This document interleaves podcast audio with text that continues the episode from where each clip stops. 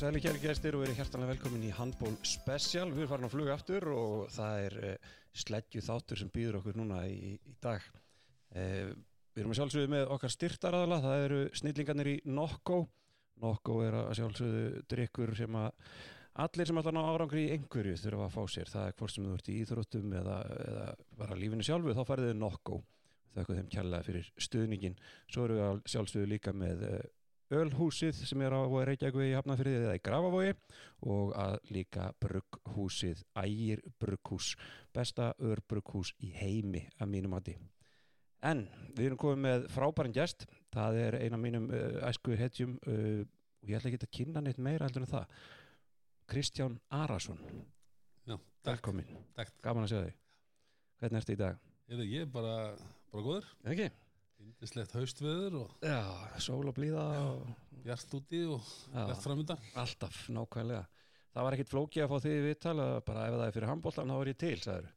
Já, ég geði eiginlega bara ansi mikið til að efla handbóltan og er til sem ég hef verið stjórn HSI eða sjónvarpi eða útarpi eða þá reyni ég að mæta Já, og e, þetta er besta íþrótt í heimi. sammála, sammála. Gæti ekki meira sammála. Hvernig, hérna, ertu að fylgjast með handbóltanum núna? Hefur alltaf verið virkur í því eða er þetta svona upp og niður eða? Uh, ég byrja sko uh, já, ég er nú alltaf verið að fylgjast með handbólta mjög smikið en þetta hefur það áhrif að gíslir hann að koma inn og maður horfður svolítið meira á þýska handbóltan í dag Eðlilega.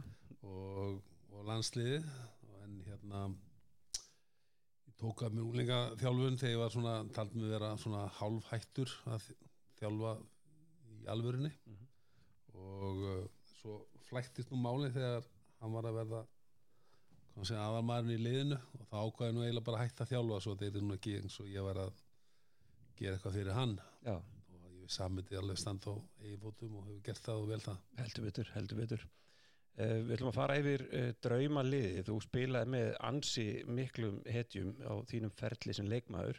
Við eitthvað aðeins að tappa á líka svona hvernig, hvernig þjálfunaförillin var og, og, og svo leiðis. Ertu hættur að þjálfa það? Já, í bíli, Í byli?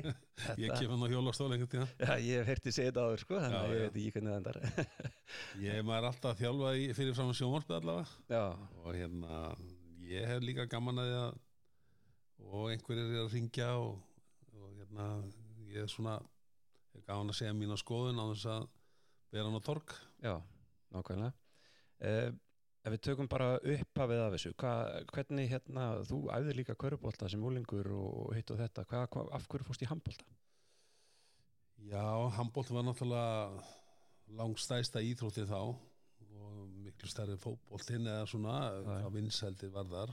Og fótbóltinn sé náttúrulega langstæsta íþróttin í heiminum. Uh, þannig að FA var með glæslið lið með náttúrulega legendið okkar Geir Harstein sem aðalmann ekki bara í FA heldur bara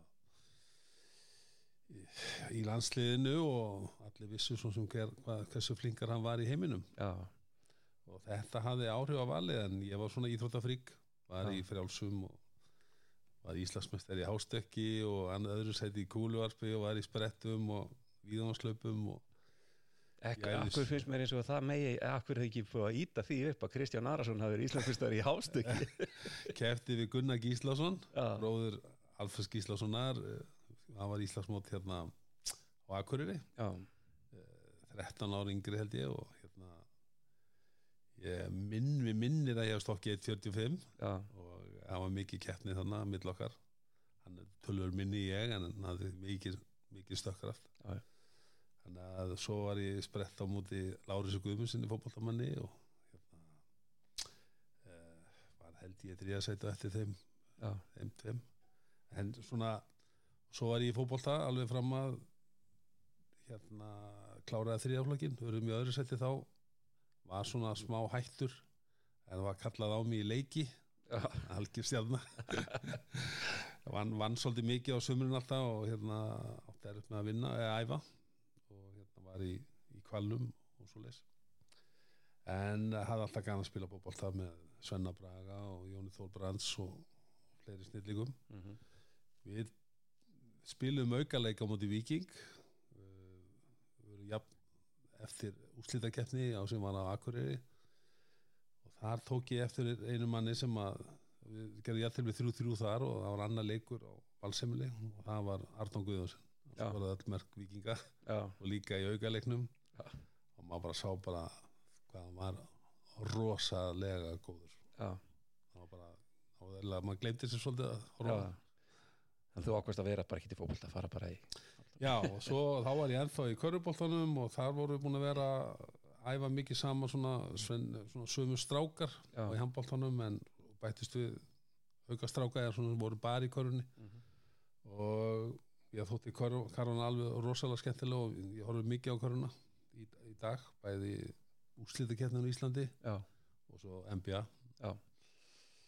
en uh, handbóltan var einhvern veginn alltaf samt númer eitt og maður hafi verið í unlingalandsliðun í báðum þessum íþróttum þá var handbóltin það háskrifaðar að maður langaði að- maður langaði að meika það þar. Já, algjörlega og, og gerði það svo sannarlega. Eh, Þú kemur upp í þetta F-fálið sem að á hvað árum ertu að koma þetta upp? Við erum að tala um að Geir Hallþins er ennþá að spila.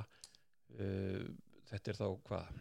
Já, þetta er alveg 78 Já, þetta er alveg svo Já, Þar. þetta er, þá er ég 17 ára. Já, 16-17 og er í leini hún ungu strákunum komin já, Já, og Valli sem er einu eldri ég og, og Sverri Kristins Móbi Múbi og uh, við höfum náð góðum árangri gegnum yngur flokkana sérstaklega frá þriðaflokki og öðrum flokki. En það verða hérna kynslu og skipti Já, 79, 80, 81 og uh, tekur smá tíma og, og það var svolítið gaman að því að eða byrjanlið í öðrum flokki var byrjanlið í mestrarflokki já, já, það er örgulega ekki oft sem það gerist. Nei, og uh, við vorum svona já, við erum að mynda þetta sterka lið. Mhm. en vikingar og valsmenn voru til að byrja með framari við og voru með þroskaðari leikmenn. Vikingar voru náttúrulega með geggja lið á þessum tíma.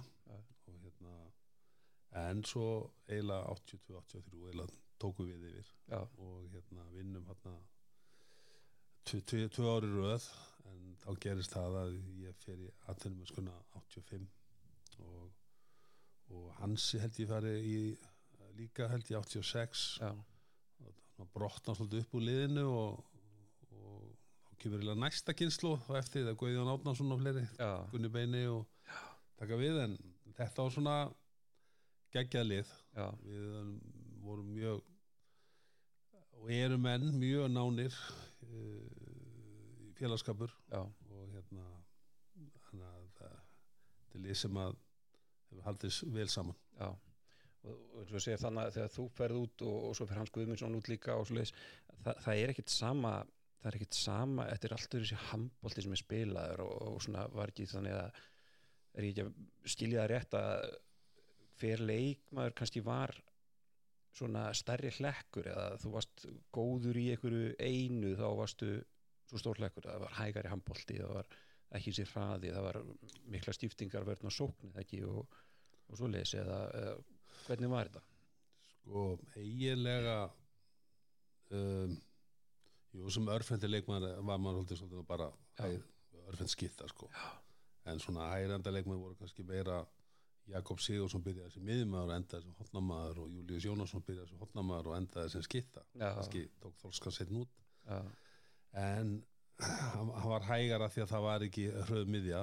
Já, en uh, ég sko Geir Hastinsson með F-áliðið við vorum náttúrulega mjög ungir og sprækir. Mhm, við keirðum rosalega mikið hraðarblöð já, og svona það lið sem held ég að það byrjaði á því mhm, að keira hraðarblöð og aðra bylgju og annað já, setni bylgjuna. Setni fylgina og þetta var uh, svolítið okkar þessi hraðibolti var okkar svona hvað sé, enginni og uh, þannig að það er ekki svo að verið svo hægur ég myndi halda svona kynnslónu undan hafi verið aðeins öðru sí þetta verður svolítið enginni F-fális bara sem að, og kynnslóran sem tekur eftir ykkur.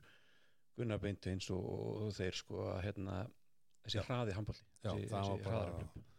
sko við töldum það og sérstaklega oft í útilegjum og, og í Evropulegjum útilegjum það er best að keira hratt. Mhm. það eru þá eru minni líkur bara þannig var bara til miður að, að dómar gátti haft áhrif á, á leikin já, og uh, með því að keira, keira það það.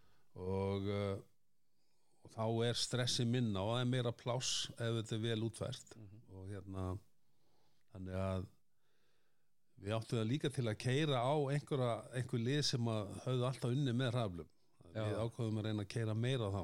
Já, og þetta fer, handbóltin fer svolítið mikið að þróast út í það að vera með sterka vörn og markvörðu og, og keira hraðaflum Mhm. og þannig til dæmis sænska landslið já, já, það vann bara titil eftir titil með frábæri 6-0 vörn og geggjum markvörnum Já. og keirðu þeir í bakið á, á anstæðingum já, þeir voru ekki með neinn sérstakann sóknarleik Nei. Eh, en, en þetta var bara þeirra á opn og, og þannig hafa nú mörglið unni marga titla já vörð, vörð markværsla það, Við einhvern tímann heyrt þetta? eiginlega reglan. Eftir sem þú stendur meira í vörn þá hérna er meiri líkur vinnur. Já, það er bara eitthvað sem að ég hef einhvern tímann hef ég heyrt þetta í Kalvakriga en, hérna- en þú ferð þá svo, segir í atvinnumensku í hvað lið ferð þá? Fer í Hamel. Byrjar þar. Já og uh, hefði geta farið í nokkuð lið. Mm. Uh, í Tískalandi og, og Svíþjóð og Danmörku og það var náttúrulega ekki alveg atvinnumesskan var ekki eins trygg og núna. Nei, þannig að þú varst mikið að treysta á fjárhag félagsins já, að þið myndi borga. Þetta var, þetta var svona hálf atvinnumennska myndi ég segja. Já, þannig að hérna eiginlega flestir þýsku leikmenn voru annarkot í skóla eða vinnu. Já, og það var náttúrulega bara einn útlýtingu leiður já, hverju leiði og það breytist, breytist við bósmaðregluna en, en fram að því var var erfitt að fara í atvinnumösku já. Og hvernig, hvernig kemur það til að, að leikmaður frá Íslandi sem spilar í Strangöldu í Hafnafyrði og, og svoleiðis endar í Hammel eh, sem er þá í þýsku úrvalstildinni var þýska deildin svona sterkir sem hún er, í dag? Er hún, var hún besta deildin þá? Eða, eða var það öðru sig eða? Uh, Þíska deildin var og er eins og enska deildin. Já, rosalega mörg góð lið. Uh, mörgum öðru deildum eru fjögur mjög góð lið og, en síðan er mikið fall niður í næstu lið. Já, en Þíska deildin svona er þú, þú vinnur enga leik fyrirfram ódivelli sérstaklega. Nei, og þetta er svona eins og enska deildin í fótboltanum. Já, þarna var á þessum tíma var Þíska deildin ásamt, ég myndi segja júgoslönusku deildinni. Auðvitað, svona sterkustu deildinar já, og hérna og þannig að en að komast í atvinnumöskuna það var annarkvæði gegnum Európa-kefni við sínum félagsliði eða landsliði og, og ég var þegar þarna búin að spila og gleði 50 leiki 22 ára. Já, og það var svona byrja að fylgjast með það var náttúrulega ekki menn urðu að fá einhvers það videokassettu lánaði eða já, eitthvað já, svona. já, já. en maður var náttúrulega ekki með neitt umbóðsmann og Nei, nei. maður gæti ekki sendt neinar upplýsingar eins og þér í dag. En hérna en auðvitað fréttist út þegar Íslenska landslið var hann ánugri að hérna að, að menn fara að fylgjast með leikmunum og, og menn vita það að, að hérna að svona íslenskur handbólti er bara ákveðnum stalli. Já og þarna kannski líka er svona orðsporið þannig að eins og ef við tökum, tökum þig að þú ert þarna leikmaður í FH sem kemur úr samanlið og Geir Hallsteinsson sem har búin að skapa sér gott og stórt nafn heldur betur í, í, í handbóltanum að það kannski hjálpa til að hérna, Jú, jú, það var hérna það er ekki spurning að þarna voru þarna voru svona var byrjað að byrja víinar á fyrir Alfred Gísla og Þorki Sóta sem fór vísu aldrei út. Nei, hann hefði mátt gera það og hann fekk ekki verið þess. En þessi pólitík draumuna hann var einhverju bulli hjá hann en uh, þarna fer alveg bara heilt landslið út á þessum tíma sko. Já, bara frá 84 til 88 mér held ég bara að Íslenska landslið var eiginlega meira að minna úti. Já, þetta hafði aldrei gerst aður nei við tökum, tökum svona landslýspakkan aðeins og eftir ef við förum í liðið uh, þú tekur í byrjum á markinu uh, Andreas Tíl Gummisbak og Mats Olsson frá Teka Já, ég hef spilað með sko, það er bara erfitt að fara fram í þessi tveimur, þeir báður já. verið valnið bestu markmenn í heimi Já. mörg ár Já. og geggjaði markmenn mm -hmm. ólíkan stíl en báði frábæri markmenn og með sínu félagsliðum og sínu landsliðum. Já, þú ert komin í Gummisbak hérna, hvenær ferði þangað? ég fer uh, 86 þangað.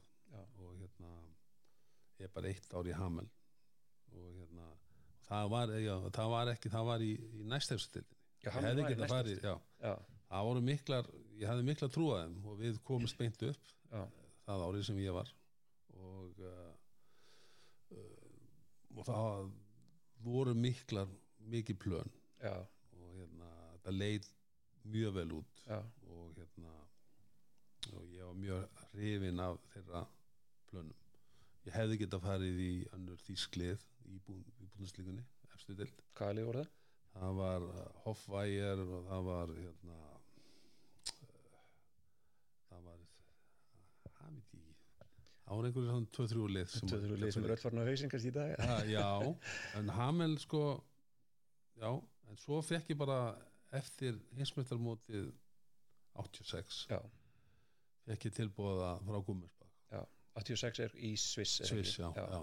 Ísle, sko, þar, þar far Ísle, nær Íslands landslið bara mjög góða árangri fymta seti já, sjötta seti sjötta seti, leiknum móti Spáni, þá var ég vísa ekki með þá var fyrstu axlameslin að þannig hjá mig. Já, og ég kvíldi síðasta leikin en, en Gúminsbakk kemur tilbúð og ég bara hérna þegar Gúminsbakk sem er svona eins og Kíl í dag og, og Barcelona þá bara var draumurinn að rætast. Já þannig að þú fer þanga og þar tekur Andreas Tíl á mótið þér í markinu. Já, og það eru fleiri í, í gómisbakki í þessu liði hjá þér sko en að hérna, við tökum þennan tíma bara uh, í svona spórum, þú kemur inn í liðið hvernig er að koma inn í eitt af bestu liðum í heimi?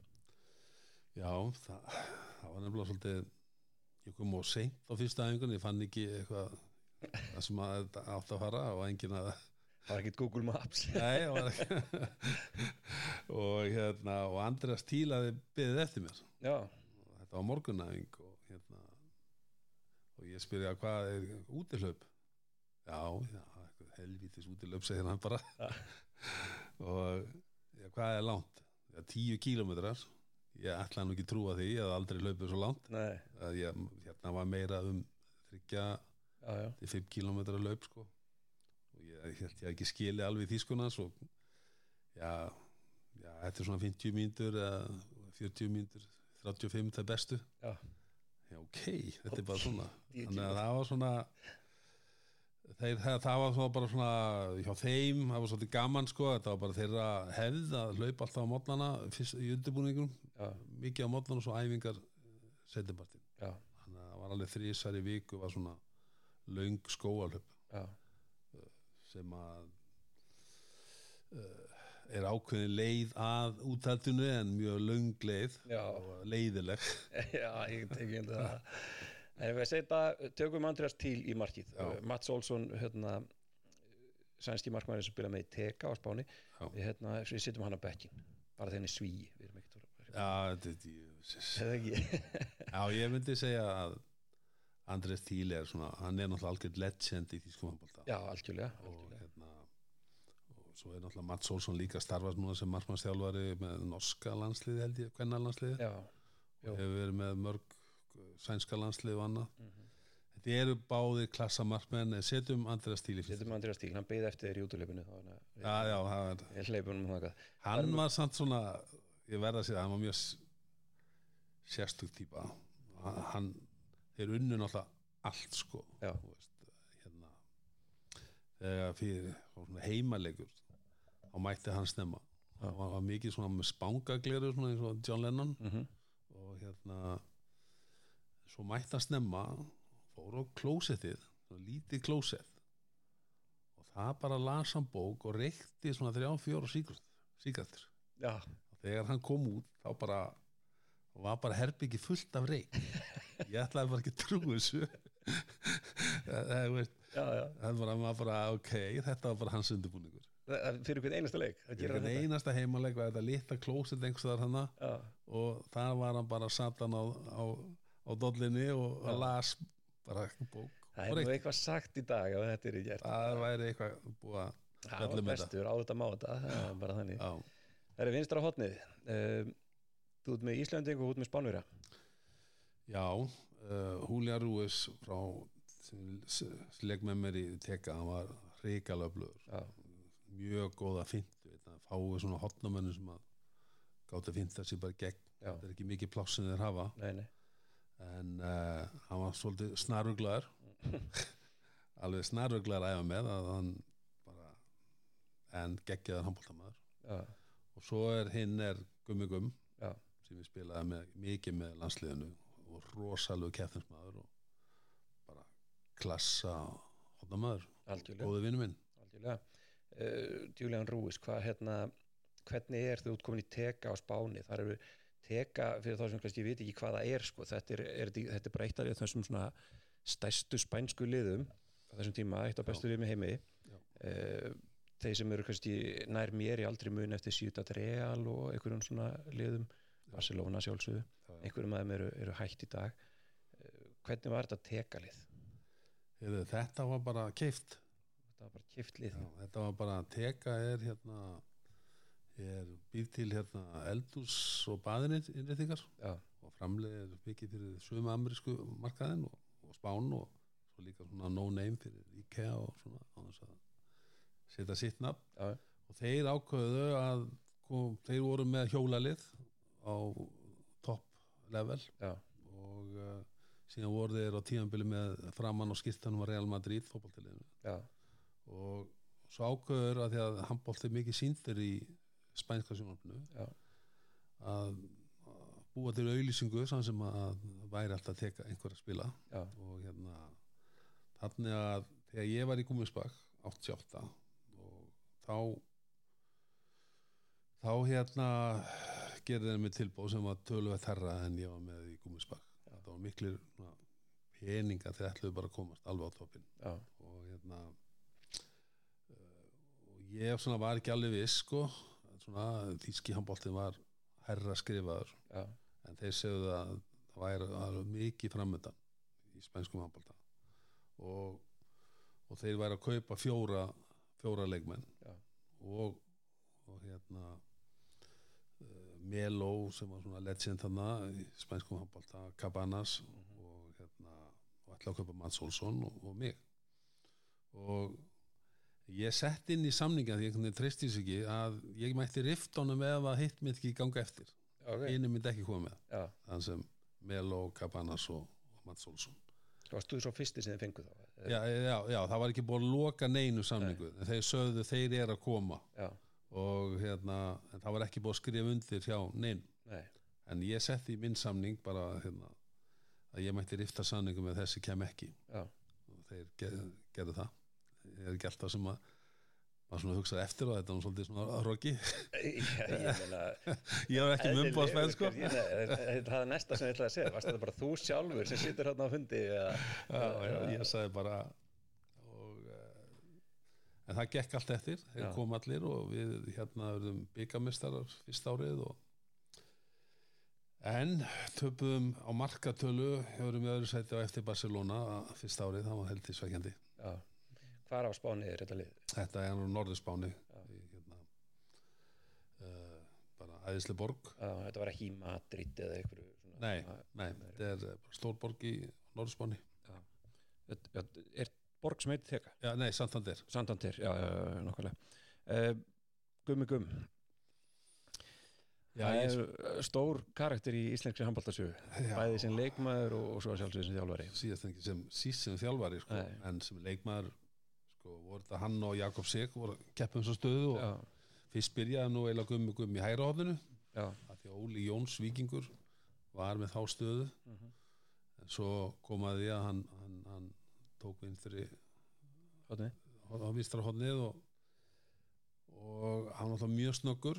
Hann var mjög útsjónum sem var hlaupinn á línuna á réttum mómenti. Mhm. og hérna og nýtti færi sér vel sko. Þannig að þessna og ég spila náttúrulega með honum í já, átt í tíu ára með landsliðin og við erum náttúrulega spila átt í 250 leiki saman Já, það er nefnilega mitt máli sko að á þessum tíma landslið er rosalega mikið sami hópur Jú. þetta verða, það er eitthvað lið sem að nær þarna, þessum árangri 85 í Sviss svo er það að fara á hvað olimpíuleikana 88 og 88 92 já. Já, 88 eru, eru olimpíuleikana þá hérna, ekki æfingarleik við Júgoslavíu fyrir mót.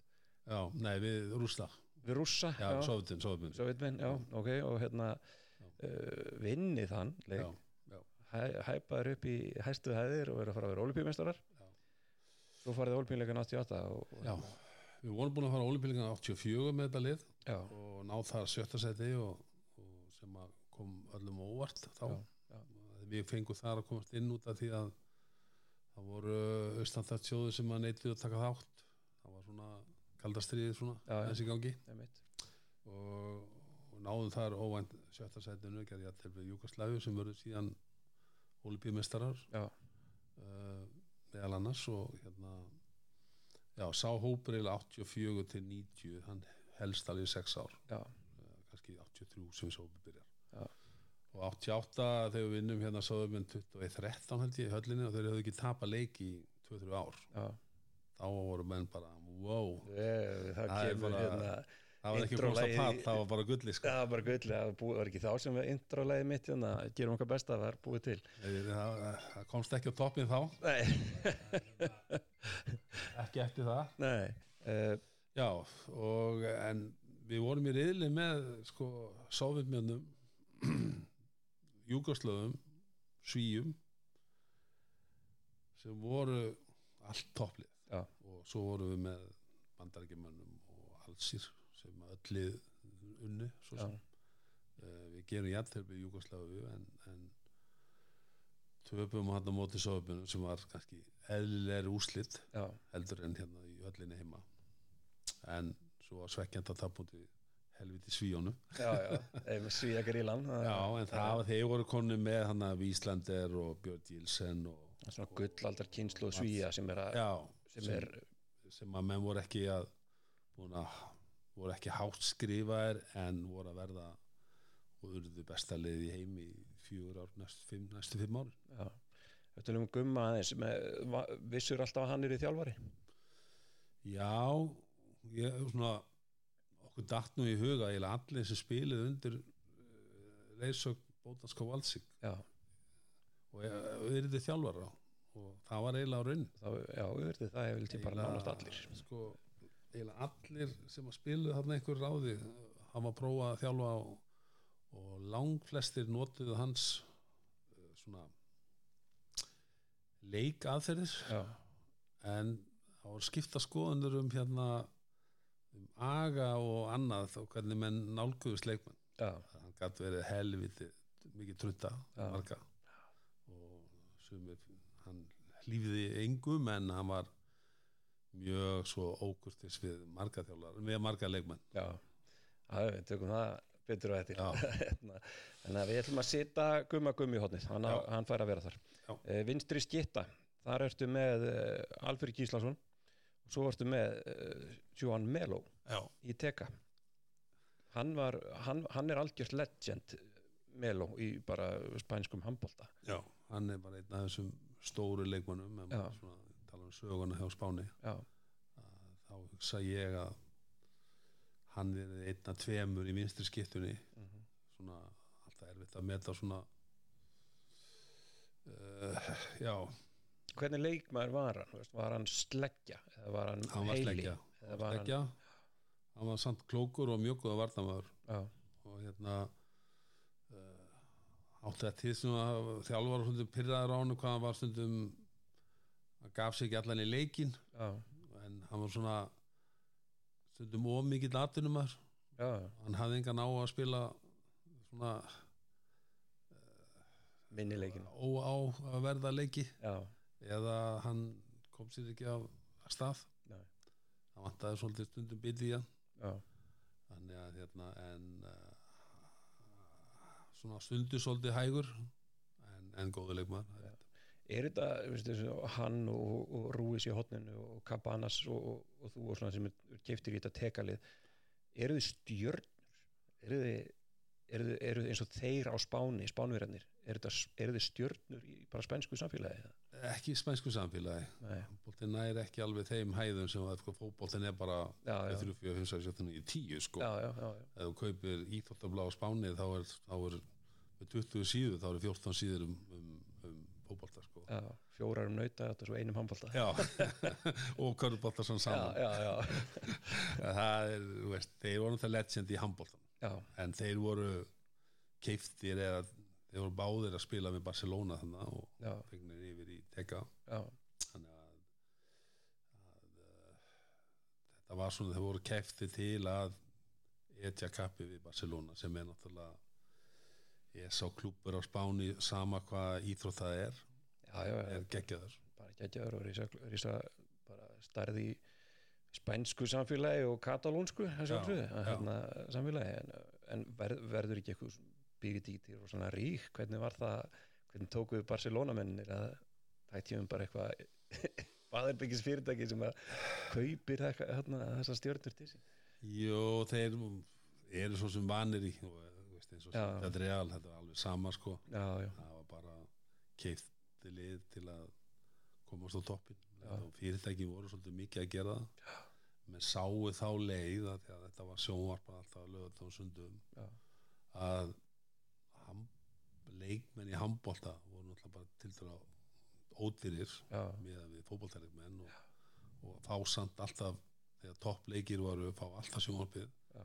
þess að voru mörg spænsk fyrirtæki sem sáu þann leikaborði að, að bara kaupa lið og Já. komast í sjónvarpið með sína sitt fyrirtæki. Og bara ég þreytist ekki á að minna fólk á það sko, sem er að hlusta að það er ekkert internet, það er ekkert hérna, það er ekkert YouTube eða allt sem að, sem að hérna, heimurinn er sko, undirlaður af í dag þessum tíma að komast í sjónvarp það er bara að reysa, það var bara risamál. reysamál já og þannig að já, já, þetta er svo maður gleymið því sko að segja frá því hvað þetta er breytt sko, þegar Já. maður fór út eitt í Þískalandi þá varst náttúrulega bara að læra þýsku og varst náttúrulega miklu fljótar að læra hana af því Já. að þú fjast kannski send blöð á mánaði fresti sko að heimann já, eða annars bara hugsaður á þýsku eftir smá tíma. Já, af því að það var engin annar útlýtingur það er örgulega erfæður að læra til dæmis þýskun í dag þegar uh, menn eru allir svona sjö útlendingar í, í þýsku liði Já. eða, hvernig sem það er já og svo ertu kannski með íslenska sjónvarpi á kvöldin einmitt. gegnum neti sko. það er einmitt málið að hérna, sko, afrek að komast í atvinnumennsku í, í þessum stóru liðum sérstaklega í Þýskalandi, þú máttu vera einn útlendingur og það er þú það, þá verður líka til endalega já þú varst svona giftið til að gera einhvern svona mun Já. eða, veist, eitthvað sem vantaði Já. til að komast eitthvað herra já, og hérna þannig að þetta voru mikið bara skandinavar og, og júgoslavar sem voru sko rússarnir fengu ekki að fara út og svona. Þau var bannað að fara en þetta var mikið júgoslavar og, og íslendingar já, í flestu liðan en svíjar voru þeir bara í fyrstu þeir voru svona því að sko það var, var aðeins peningur í, í sænsku handbólta Já. en þannig að maður fóru kannski þetta var svona að byrja já, á þessum tíma. Já, þessi markaður. Ert með hérna Alfred Gíslason líka? Já, það er bara legend í Íslangu handbólta hann er svo gummugum já, bara, og bara báðir eh, legend í heims handbólta Já. aldjörlega Já, þetta er sko Alfred hvað að segja hann spila sinn besta handbólta í Túsi Messen. Já. og þegar maður fylgist með honum þar af því að hann kannski ekki allir sem sáu þá leiki sko. þar síndan og svo á Spáni sína, sín besta handbólta kannski ekki alltaf með landsliðinu. Nei, þar var oft Alli Ilmarsson sem var undan honum Ok. uh, gegnum áriðin Já. en ég vel hann fyrst og fremst út af því hvað hann spilaði ókjörslega vel með sínum félagsliðum á Þýskalandi og, og Spáni. Já, sem ég tek hann svona fram fyrir fram yfir Alla sem var frábær líka. Já, heldur betur.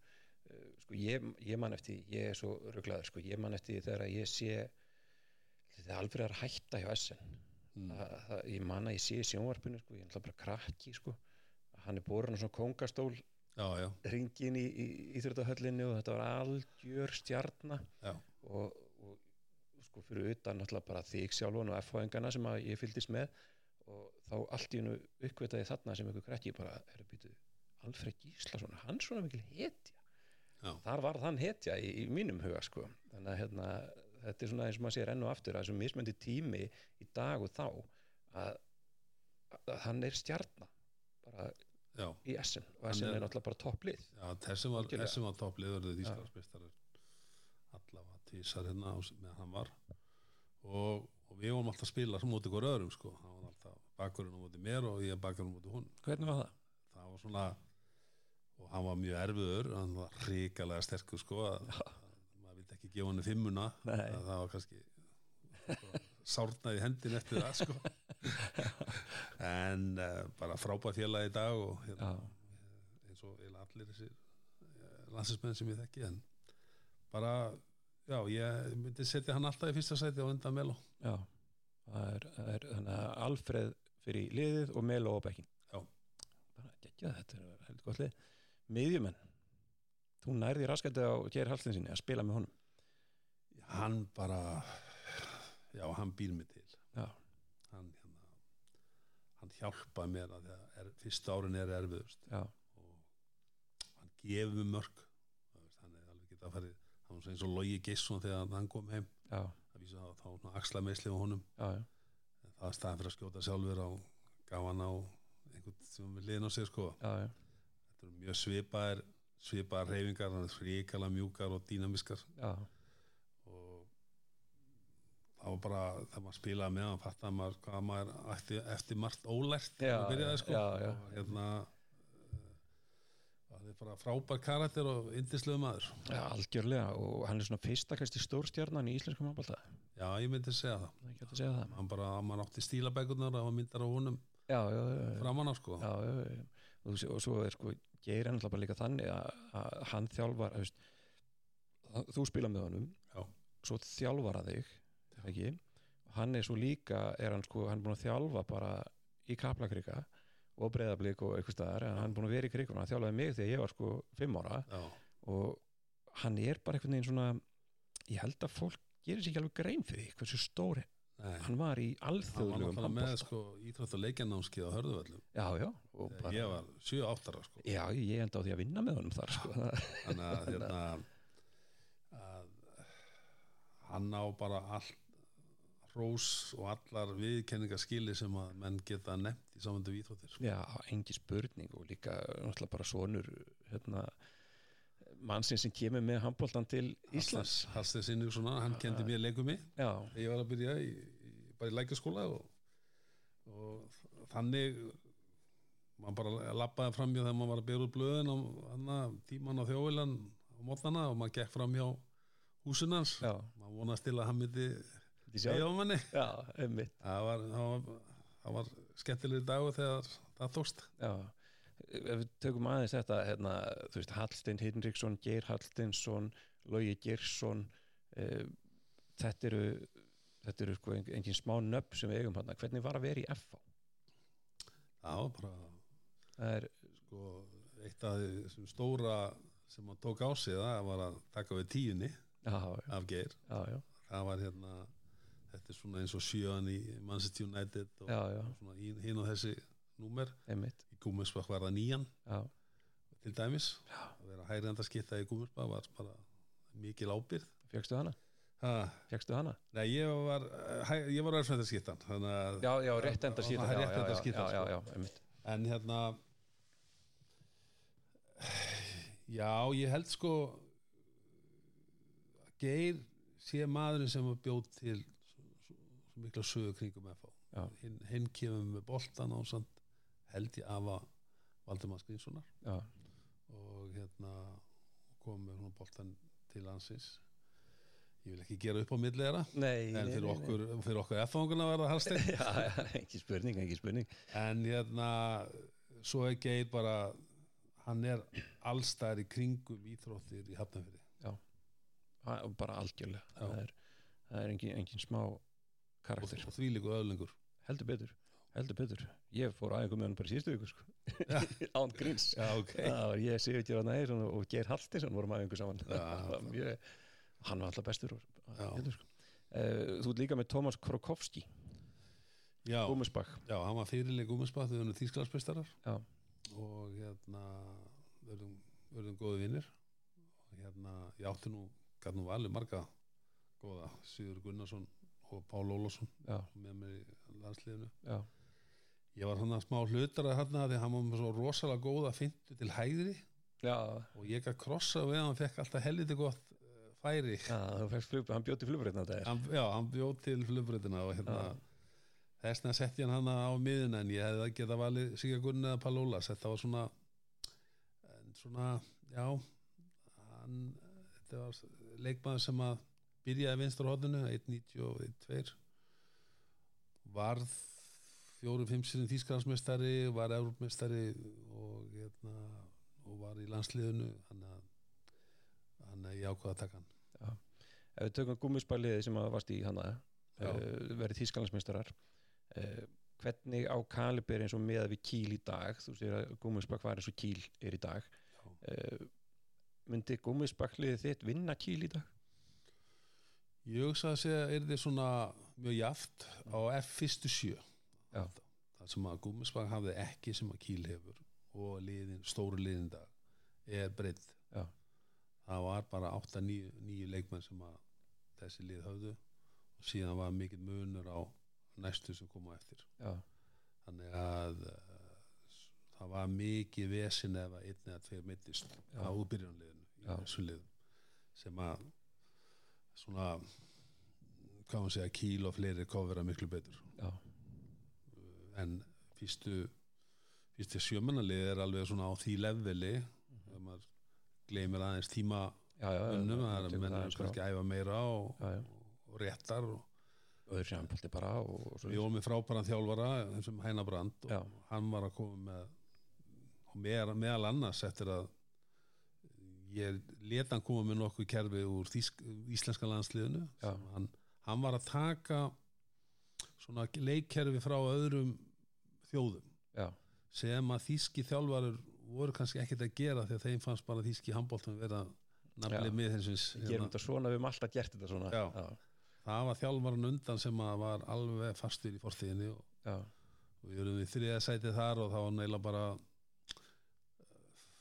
harkan á því sæti. Já, og það var ekkert sérstakt og ég var pyrraður alveg hvernig handbóltið var að spila hvað var mikið svona tilvílunan kendur og, og átti bara mjög góð spjall við hænar og, og var með spólur úr landsliðun og, og við spiluðum fanta góðan handbólta var, var þýskur handbólti tilvílunan kjent frá þessum tíma? Er, Já, hann var svona, svona gamli, alveg gamli gamli skóli sko já, myndur þú kalla tilvílunan kjentur eða frjáls? Já, já, frjáls, það var svona kannski, jú, með, með sín milli tveggja leikmanna, já, það var ekki þannig að all liðið var að taka þátt í einhverjum einhver svona kerfum og það voru tvæð þrjá lausnir alltaf. já, einmitt, einmitt. Við setjum svona Geir Hallsteinsson á miðina svona. geta verið Siggi Gunn, Palli Ólafs margar hitt Já. að sjálfsög uh, hægri skittan var mjög erfitt fyrir þig að finna hægri skittan í þetta lið. Þá þurfti ég að ringja í þjálfaran Kristján Arf. þú velur uh, einhvern sem heitir Kristján Arason í hægri skittina og svo velur líka Sigga Seins segjum frá Sigga Seins fyrst. Já, Siggi er bara skotfastasti leikmaður sem ég hef spilað með já, og, og ríkala hittin en hérna og góðu leikmaður hans handicap var kannski meira að hann bara hann var aldrei látið spila vörn. Mhm. og þetta var þess að hann var þess að menn skildi ekki okkur hann stundum hefði hann átt að spila meira með landsliðinu að ég Já. spilaði alveg 95% mm og, og hann stóð sér alltaf vel þegar hann kom inn á. Vandamálið að við vorum með við vorum með Sigga Gunn Mhm. spila ekki vörn Þorki Sóttar spila ekki vörn á þessum tíma. Og, og Sigga Sveins. Það var aldrei að hafa það þrjá saman. Nei, því að menn voru nú byrjaðar að keira ræðaflöfin og þannig að að um leiðum með sá alla þessa þrjá leikmenn spila þá var alveg keirt á íslenska liði já. Það er einmitt máli sko, hann, ertu að segja að hann var aldrei látin spila? Bara, gata hann bara ekkert í vörn eða, eða var hann bara ekkert látin gera það? Hann var bara aldrei látið spila og, og þá var hann, gæti hann ekki spila vörn. Nei, hefði hann getað að góður? Já, það var svona menn, það var mikið svona tengt örfendum leikmenn, þetta var svona í bómulli. Já, að bómull að menn voru að passa og hérna og þyrfti ekki að spila Nei. en hérna sem er algjör trugl. Já. Siggi er svona hann er svolítið svona fan favorite oft sko, hann var svona skemmtileg típa hann var með svona no-look sendingar og hitt og þetta. Var hann alltaf svoleiðis eða fór hann að leika sér meira svona setni hlutan að það var meiri sendur utan Já, eins og allir sko. Já, já. menn eru rólegir á boltanu þegar menn eru eldri og já, að þegar yngri leikmenn og maður horfið tilbaka sko halda að maður sé honum með komið reynslu 24 mhm, en þegar maður er 30 þá maður einhvern veist, þá er maður miklu yfirværi og, já, og uh, spila svolítið á, já. á yngri. Var hann, var hann pyrraður yfir landslýs dæminu? Nei já, já örglega en hann, hann síndi það ekki uh, sko, og let aldrei mig hafa, á, veist, hafa áhrif á mig sko, Mhm. að hérna uh, hann var óbáslega ég var ótrúlega heppin hann að hann skuli vera hann jákvæð típa. Já, að þegar margir hefðu nú bara skellt hörðum og satt í nennu skí sko. heldur betur. Sko Siggi líka, hann er hérna það er náttúrulega frægur leikur þegar að er ekki bjökjæfninni þegar þú og Alfreð fóðu báði raukt já, uh, á móti Þískalandi mótið Þískalandi og þá hérna þið fóðu bara raukt með snemma já, ég bara í fyrir áleik bara í fyrir hálfleik já. þannig að íslenska liðið þarna er búið að missa Alfred Gíslason út uh, Kristján Arason og inn á koma Híðin Gilson og Sigurður Sveinsson. Og þeir eiga bara báðir leik lífsins. Bara geggjaðir. geggjaðir, hvernig var þessi leikur? það var, það var alveg ótrúlegt og maður sko að þessi rauðarspjöld á okkur báða voru mjög ósangjöld og hérna og ég man bara að lági að þýsku áraðum klöppu þegar við vorum báðið fannir út sko. Var þetta komið, það búið að leikur í játnum þannig eru þið báðir stórar stærðir í þýskum handbólta já, en, en sko Siggi var náttúrulega stórt nafn í, í með Lemgo já, og hafði orðið uh, markakongur og hérna og þegar hann átti sína leiki þá, þá bara varði engin markmaður þessi skoð Nei. fastur og ég held að hann hafi skorið ég held að hérna hafi skorið sjö og hann nýju í þessum leik ef ég man rétt sko og Já. hérna Gilsson var þarna ég held bara 20 sko já, hann er mjög ungur. Já. og ég held að hann að fari bara í hann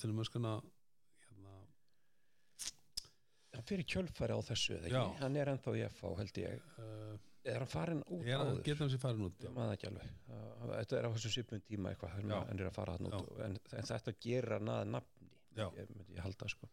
En uh, við tölum aðeins um þessa bjökjæfni Já. hvernig hérna, ég veit að þið leiðist alveg hrikalega að segja frá henni. En hvað er bjökjæfnin, hvað var það? það var bara ein lélasta markasetning sem hefur verið gerð. Já, að það vantaði bara fjóra þjóðir það var bara fjórar af þjóðir og allt hitt voru voru spánverjar, þjóðverjar, danir uh, rúmenar tjekkar, pólverjar. Það vantaði bara uh, sovitmenn, Júgoslafa Suður Kóru og Svíja já, eiginlega svona þannig að þetta er náttúrulega bara var bara já, og menn eiginlega það var ein bjöketti viðbótt svo var þetta hægt sko. Já, að því að að fyrir, fyrir þessa þjóðir að auðlýsa kannski á búningu sínu og vera bjöðþjóð mm -hmm. þannig að þetta var bara tjók það er en þetta voru, það geggju keppni. Já, það var hérna að þetta voru svo margir góði leikir og mi- mikið stemning og mikið árundum. Það var mjög flott kettan og frakkarnir svolítið að, að byrja að koma já. Voru ekki orðnar voru ekki orðnir svona það var ekki orðin Það einhver handbólta Já, þeir eiginlega- þannig. þeir slói gegn henn á Íslandi Já, frakkar 95. voru á, 95, já, sjálfsög uh, hvernig var að vera semst, þegar þið vinnið semst, titilinn þessa bjöðkjæfni uh, er þetta ekki svona fyrsta kipti sem íslenska þjóðin hérna, myndar loftbrú hérna yfir og, og bara, Jú, við, við vorum bara að- heimavelli í úslitunum Já, það var, það voru þannig 12-14 þúsund manns á leiknum og það voru alveg bara 6-7 þúsund Íslendingar. Íslendingar. Já, og það voru, það voru marga vélar. Já, það eru marga velar sko. Hvernig var að spila landsleik í þessu umhverfi í, með svona mikið undir? Veist, að þetta var þvíli gæsahúð. Já. þetta var alveg magnað. Og sískinni mín voru að koma og það var bara allir að koma. Maður, maður trúði sig ekki sko. Og svo það maður sá stemninguna á pallunum já, eða gátu ekki annað en unniðleik það var bara, stemningin var öll okkar með. Er, er þetta á þessum tíma, er þetta jafn stórt eh, eins og silfrið olimpíuleikunum setna? nei, það verður náttúrulega aldrei eins stort að það, Nei, það er bara silfur og olimpíuleikur náttúrulega bara fyrir fyrir Ísland og það í flokka íþrótt. Já, það er náttúrulega magnaðar á okkur en svona stemningslega séð var, var stemningin í þjóðfélaginu þannig að já, já. svona, var, var sú sko. Já, þetta landslið fer svo svona að vissu leiti, þetta er hápunkturinn já, þarna á þessu landsliði. Eh, næsta sem að þetta lið gerir þá er nú orðnar eitthvað breytingar á liðinu 92 þá já þá er tölvöra breytingar. Já.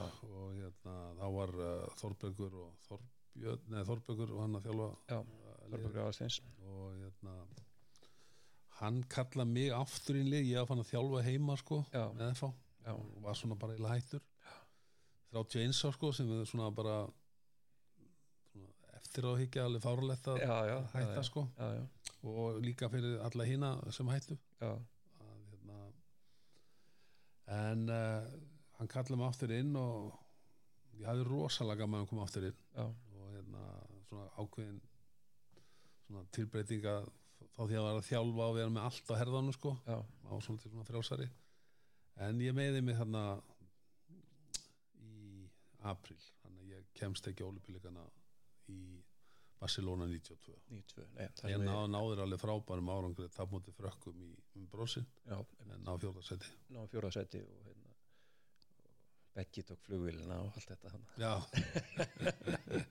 ótrúlegt hérna, sjó Förum aftur í liðið. Uh, Við ætlum að, ef að hafa sjálfa þig að hafa sigga í hægri stýtunni verður þetta ekki bara að vera Siggi segi brandarinn og Siggi sig brandarann og þú skora mörkin. ég spili, spila. Já, nákvæmlega. Uh, Hægra hot Cabanas. Já, bara, ein, ein af uh, stjórnunum sem keftar í teka. Bara geggjaðum hann bara geggjaðum Var hann líka í Barcelona? Var hann, já, já, voru þeir allir tókuðu þeir þrjá Barcelona? nei, tvo Melo og Cabanas Já, hvaðan kom Ruiz í hann var svona uppalinn hann er uppalinn, Já. í þessi sandatir Santander. Já, þannig að Cabanas, hann er svona hetja líka já hann er já eh, hann hérna hann saði bara við mig ef það er tæft, láttu bolt að koma Já. og hann var alveg 90% uh, svona skotnýting í lokin hann var hann var með ekkert neina snúninga ekki hann bara hann var hann beið svo lengi Já, og náði hann mæla alltaf út fyrir eða sett hann var bara tvær hann var bara með tvær hann aðferði sko bara, bara rosalega markviss og Hornamaður. einfalt einfalt og, og hérna það er nefnilega sko ef maður til tala um hotnamenn mhm. þá er svo rosalega mikið þessu sterkir undir pressu Já.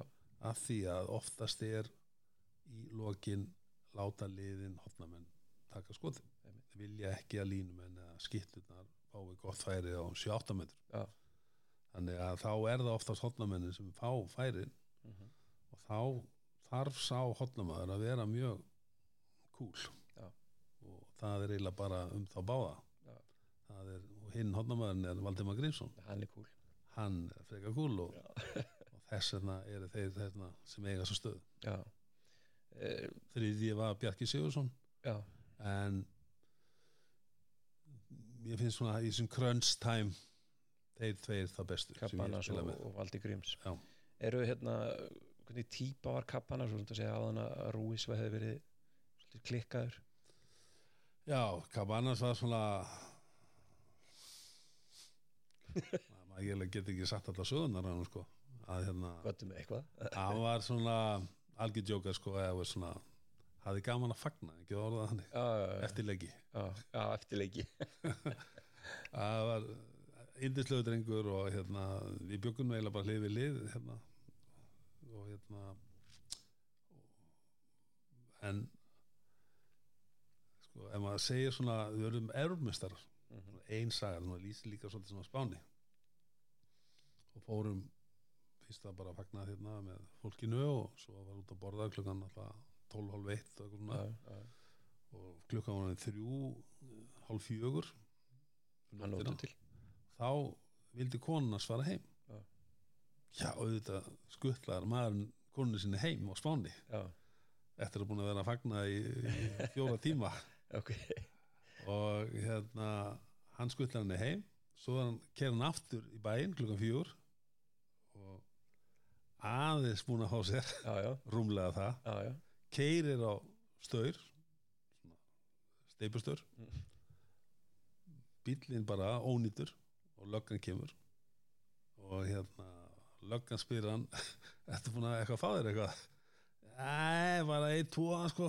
Já. Þeir keira nýri bæ. Og skutt hann að raskatur já, svona, já, komst hann upp við þetta bara því að hann var já, kapanas já bara geggjaða leikur hjá okkur og já, það var ákveð leikur. hérna, en hérna, eins og þessi, þið verðið Evrópumistrar það er, já, það er, það er þokkalegur árangur. Hvernig var að vera Evrópumistari? já, bara magnað, Gaman. Já, bara magnaði spiluð þannig að við sænsku mestarana hérna, drott. Já. og þar var hérna Magnús Andersen og Óla Lindgren og þeir voru með fjóra-fimm góða sænska landsmenn. Já, og þarna voru þannig að það voru alveg þeir unnu fyrirleiki með einu og við vinnum setni með fjórum. Já, trófættur höll í, í Santander sem var frábær. Og uh, sko það var svolítið svona lýsi líka í spænsku þjóðfélagi að eftir erum byggamestarar árað undan þá hérna hafði borgarstöðun lofað eitthvað nýju húsi og Mhm. 12.000 manns og eitthvað og næsta árið eru ömmestar og hann var ekkert múin að ekkert gera því. Nei. og þá hótaði bara fórstjóri teka taka liðið og fara með til Bilbao. Já, og við vorum ekki spurður að því. Nei, nei. Við áttum bara að flytja og hann sagði að það væri bara það væri höll það sem býður okkur upp á 15.000 manns. En, uh, en þá lofaði borgarstjórn og byrjaði bara strax. Já, það er bara skóplust Já. morgun bara. Og þeir fengur svo eftir að ég hætti uh, flotta íþróttavöll. Já. uh, Valdi Gríms, hann hérna hann uh, er svona með svona stundum gleymast í svona þegar verið að tala um svona eh, íslenskar hetjur og hlis mm. stundum verða svona aðeins svona eins og að ekki, hann fá ekki alveg kreditið sem hann eigi skilið sko. Er það vitlega segja mér? Uh, Já, einhver liti já, Já. Af, því að hann, hann, hann var það svell kaldur og, og góður leikmaður. Já. og hérna hann gerði ekkert eins og, er Cabana, hann gerði ekkert eitthvað snúninga neitt svoleiðis. En hann, hann gætt farið inn á einu metrunum og, og skorað Já. í, í lokin. Já. það er bara eiginleiki sem ekki allir hafa. Nei. Hann spilaði eitthvað fyrir utan hérna sinni hlutan þegar hann kom, já, hann kom í káa og eitthvað svolítið allt í hún skitta já, það var svona kannski meira svona já, það var veist, hann var bara snöggur og einhver handbóltamaður en ég vil bara hafa hann í hægróðinu já, ég maður eftir viðtalið við eh, valda eitthvað tíma það var spurt um það hvernig að það? Út að fara að kjappa mótið þessu markmanni hérna? Markmanni?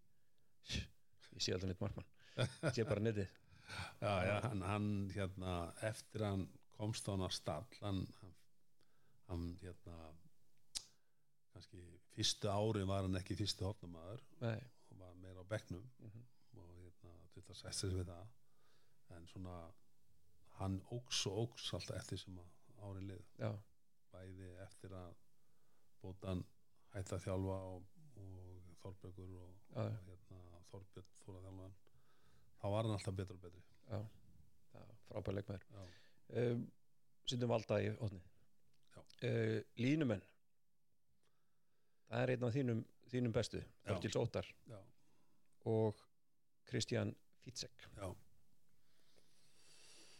Uh, sko ólíki leikmann Fitzek 1.95 mm -hmm. og sterkur og flinkur leikmaður. Mhm. og hérna spilaði með Þíska landsliðinu og við spiluðum mjög vel saman já, í Gummarsbakk og vorum já, við vorum bara með ákveðin kerfi okkar á milli. Mm hérna, með blokkir eða, eða falla frá og hitt og þetta. Já, það var bara eitt, tveir puttar og hann vissi nákvæmlega hvað ég var að pæli já, en við þurftum þetta ekki í óttar. Nei, við, við þurftum ekki inn að bendinga hann bara fór eða, eða, eða, eða reytti eðun eða eitthvað. Þið vissu bara hvað þið voru að gera. Við vissum bara einhvern veginn blindandi Já.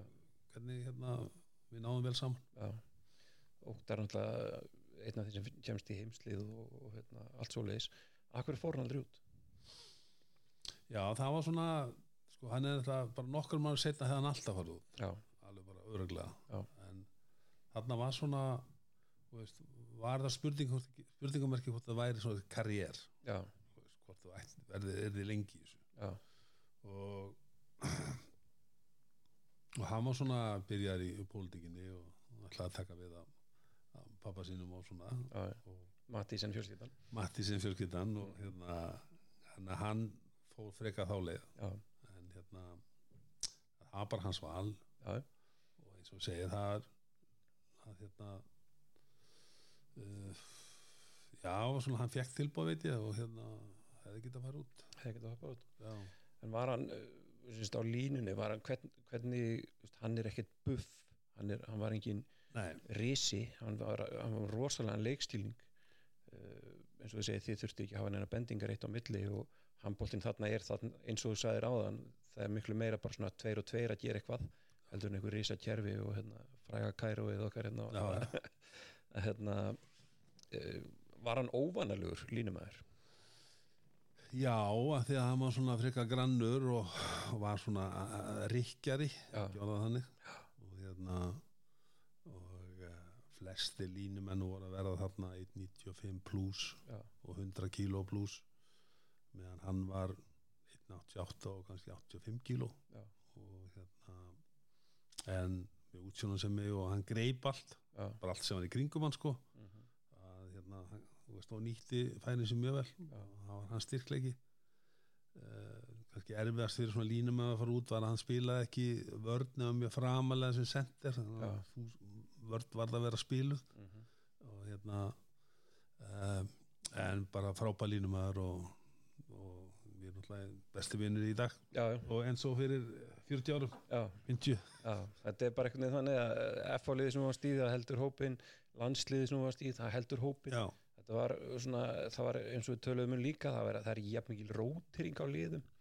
Uh, svona leikmanna hérna, inn og út fléttan, hún er ekki jafn mikil nei, á þessum tíma. Nei, nei, það var svona hérna heima var, var hálfgjör landráð það fórst úr þínu, þínu uppeldisfélagi. En það er svona aðeins lausar í dag. Það er eitthvað aðslausar í dag.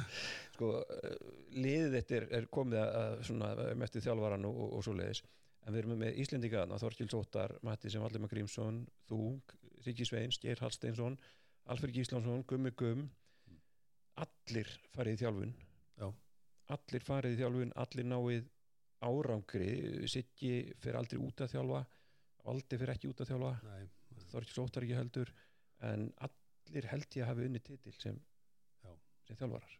Já, kannski ekki sig í en nei, ekki Siggi nei, hann var með fylki hann með fylki og háká góður maður þar. Já, uh, þið komið allir meira minna úr þjálfaraskóla Bótan Kovalski já.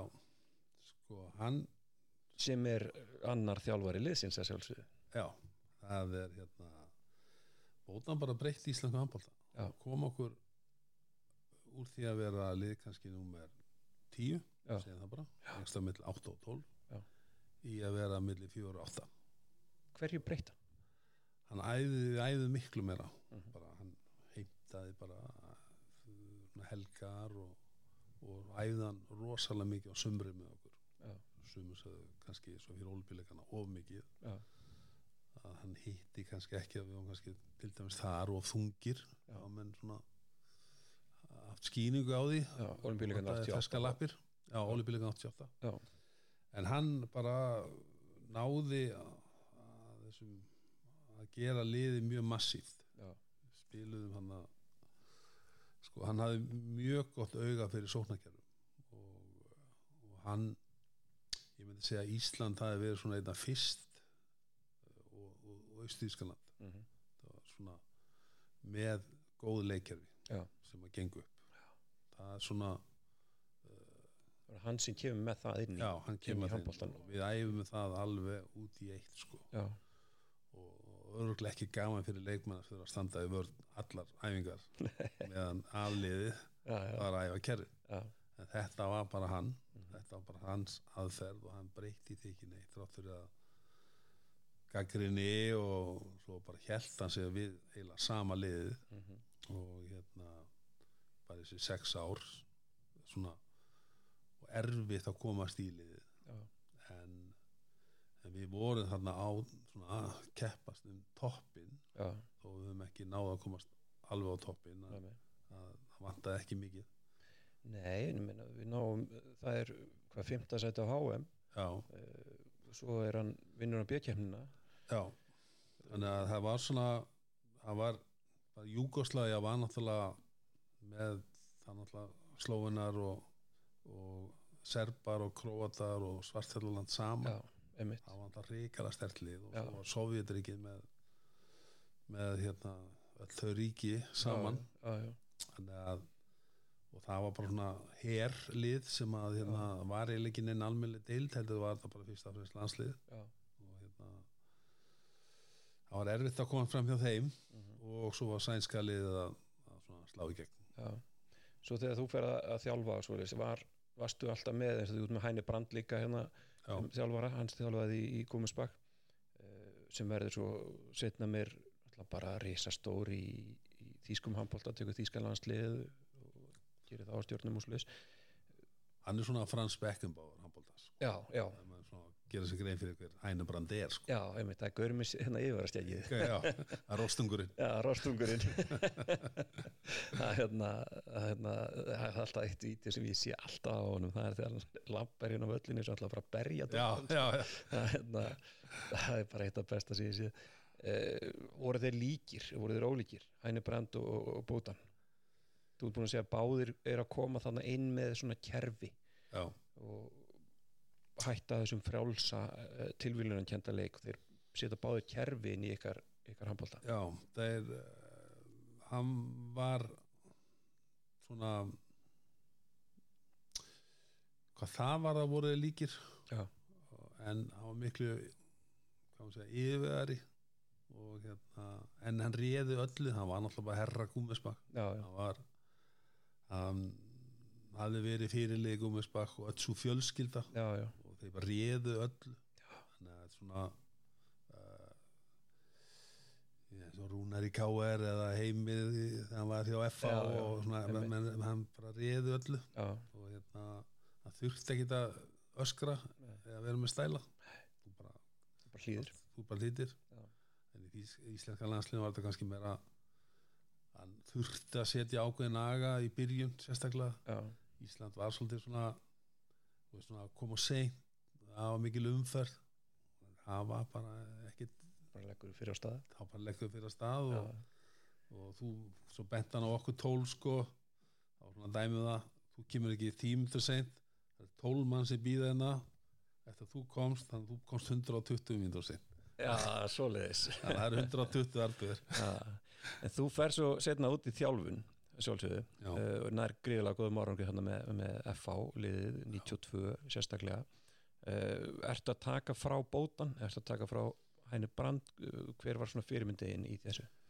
Ég tek bara uh, mikið af leikkerfum frá bótan. Já, Óttar hafði svo sem líka hann var undan mér hann hafði svona settu líka inn.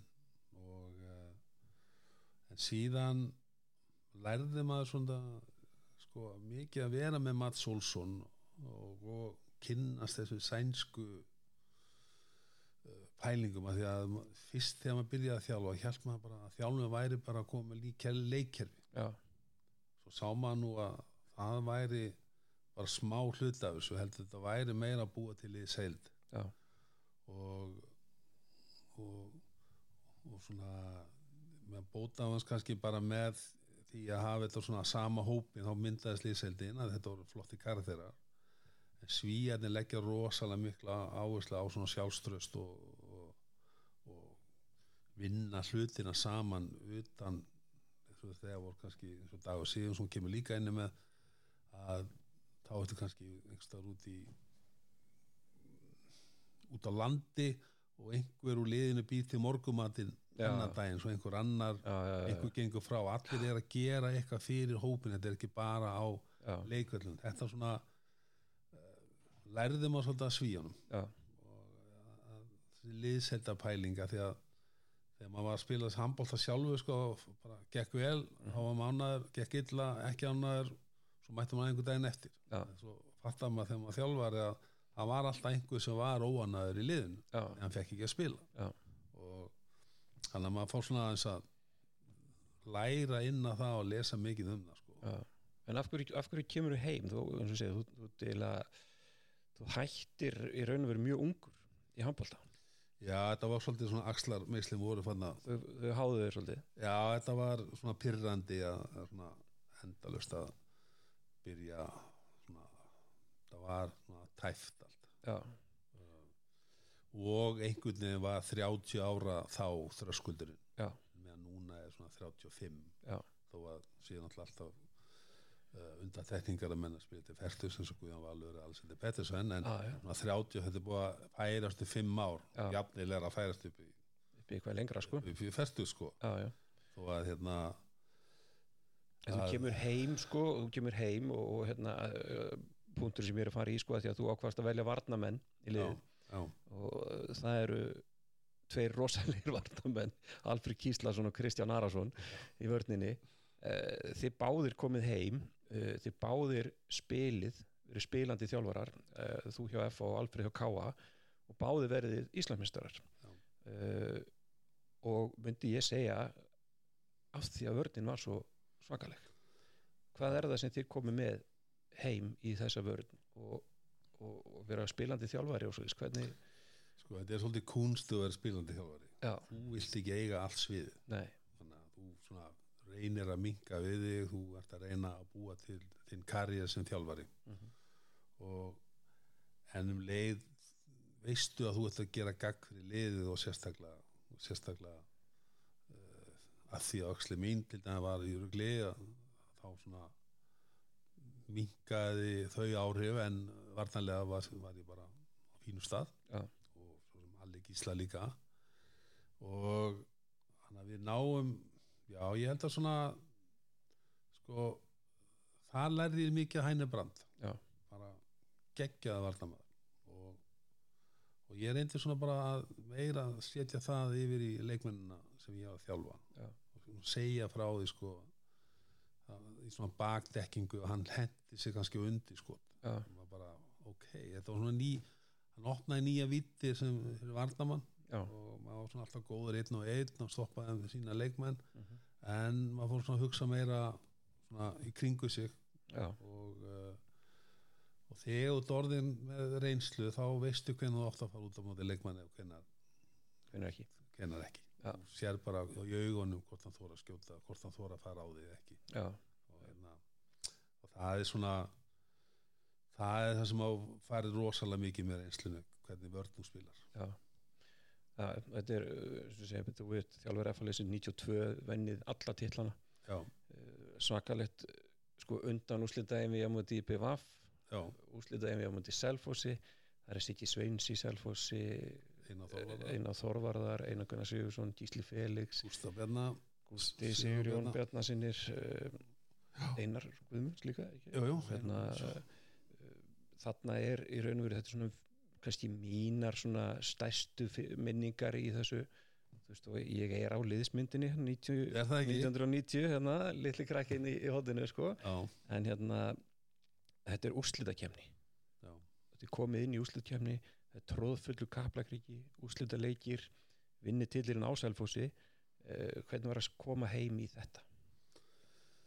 Þetta er handbóltin orðin svona við erum komnir úr strangutunni þarna. Já, við erum komnir í stærri hús og, og svo leiðis og þarna voru við bara í úsliðigetinu voru við með alltaf 2500 manns upp í 3000 manns á, á úslita leikjónum alveg. Já. bara geggjur stemning. Og hérna og var það alveg hérna uh, þándilega eiginlega ég fer aftur út að þjálfa sko. Já. það var 94 og geggjur stemning að við töpum móti Viking held ég óvænt. Já. uh, og með öðru seti valsliða var þá komið með með Óla Stef Óli og Dagur og þeir eru að koma þar inn. Uh, verið Nei, við erum í öðru seti töpum móti þeim já. Já, já, já þið töp, töpum í útlundum móti þeim Já. verið byggamestrar Já, já, móti Og- Káa en uh, það var bara alveg geggjur stemning. Já. þetta var bara þetta var bara eins útlendin sko. Það var alveg á það því leveli sko. stórkastlegar upplifanir. En svo ferðu út að þjálfa? Já, þá fær ég tilbúið að þjálfa bæja Dormagen og hérna sem að já kom óvægt upp mm því að þetta var náttúrulega ekki algengt að útlenski þjálfara voru hérna, kom inn og hérna segja, það var aftur svona júkoslandiski þjálfarar og uh, voru ekki margir aðrir. Nei. og ég ást þetta óbáslega spennandi og, og við liðinu og fyrsta árun við fyrta sæti sem var með betri árum sem ég náð með lið. Það, það, þetta var ekki lið sem að var oft, það var svona meirið kringu tíundasæti já, og hérna það þjálfaði Andrea Stíl sem var tveim árum eldri ég held ég. Ég og Dieter Barke sem var 2 og 16 hann var himmarsmaðurinn þannig að þetta var bara fínt lið. Hefði mjög gaman að þjálfa en var svo fer ég að þjálfa hann á Massenheim gengur ekki nógu vel þegar við vorum í þriðasetti mm -hmm. við vorum þá með Fredrik Wold komin yfir og Matti Svalb og Já. svona legenda Mhm. en það var eitthvað sem að ég veit ekki alveg hvað það var ég, ég, ég sá ekki ok, ég var látið fara í januar Mhm. Fekk tilbúið að þjálfa annars þar og hérna mér fann svona þetta var ekki lífið sem ég var að leta. Nei, að hver einasta helgi var bara úrslitalegur já, að þú varst alltaf bundið á. Það var svona uh, já, þetta var svona öðru sér fílingur heldur en að vera leikmaður í, í uh, bestu liðunum. Já, þannig að þú, þú ferð út fer- ferð að þjálfa uh, Dormagen og ferð að þjálfa Való Massenheim og Való Massenheim náttúrulega fyrir það sem við ekki er náttúrulega bara, bara eitt af bestu liðunum í, í, Þískalandi uh, og bara finnur þú þá þá bara að þetta er ekki þú bara, þe- þú vilt ekki? Ég bara sá, já ég hefði ekki fengið að hann að melsungun já, ég látið vita að þeir vildi fá mig. Og þeir ætlaði að fara að byggja upp voru í efstu sætunum í annar tild sem eru núna, sem komið upp þjálfaði núna. Já, já, og ætlaði að fara já ég bara, nei, ég sagði nei, ég ætla bara eða svona, þetta er ekki fyrir mig þetta er svona, ok, ég ætla ekki að vinna við þetta. Já, Eh, hérna heima var ég að þjálfa hana bara, að vinna í FIB og Íslandsbanka og svo þjálfa á kvöldin. Já, og hérna eh, sem var alltaf mikið vinna en, en hérna, þetta var ekki alveg þetta var ekki svona miklu meira eitt hann úti. Já, já, já. og hérna hann er mér langa eiginlega ekki að halda á Nei. og þú ert frekar ungur þú ferð út að þjálfa.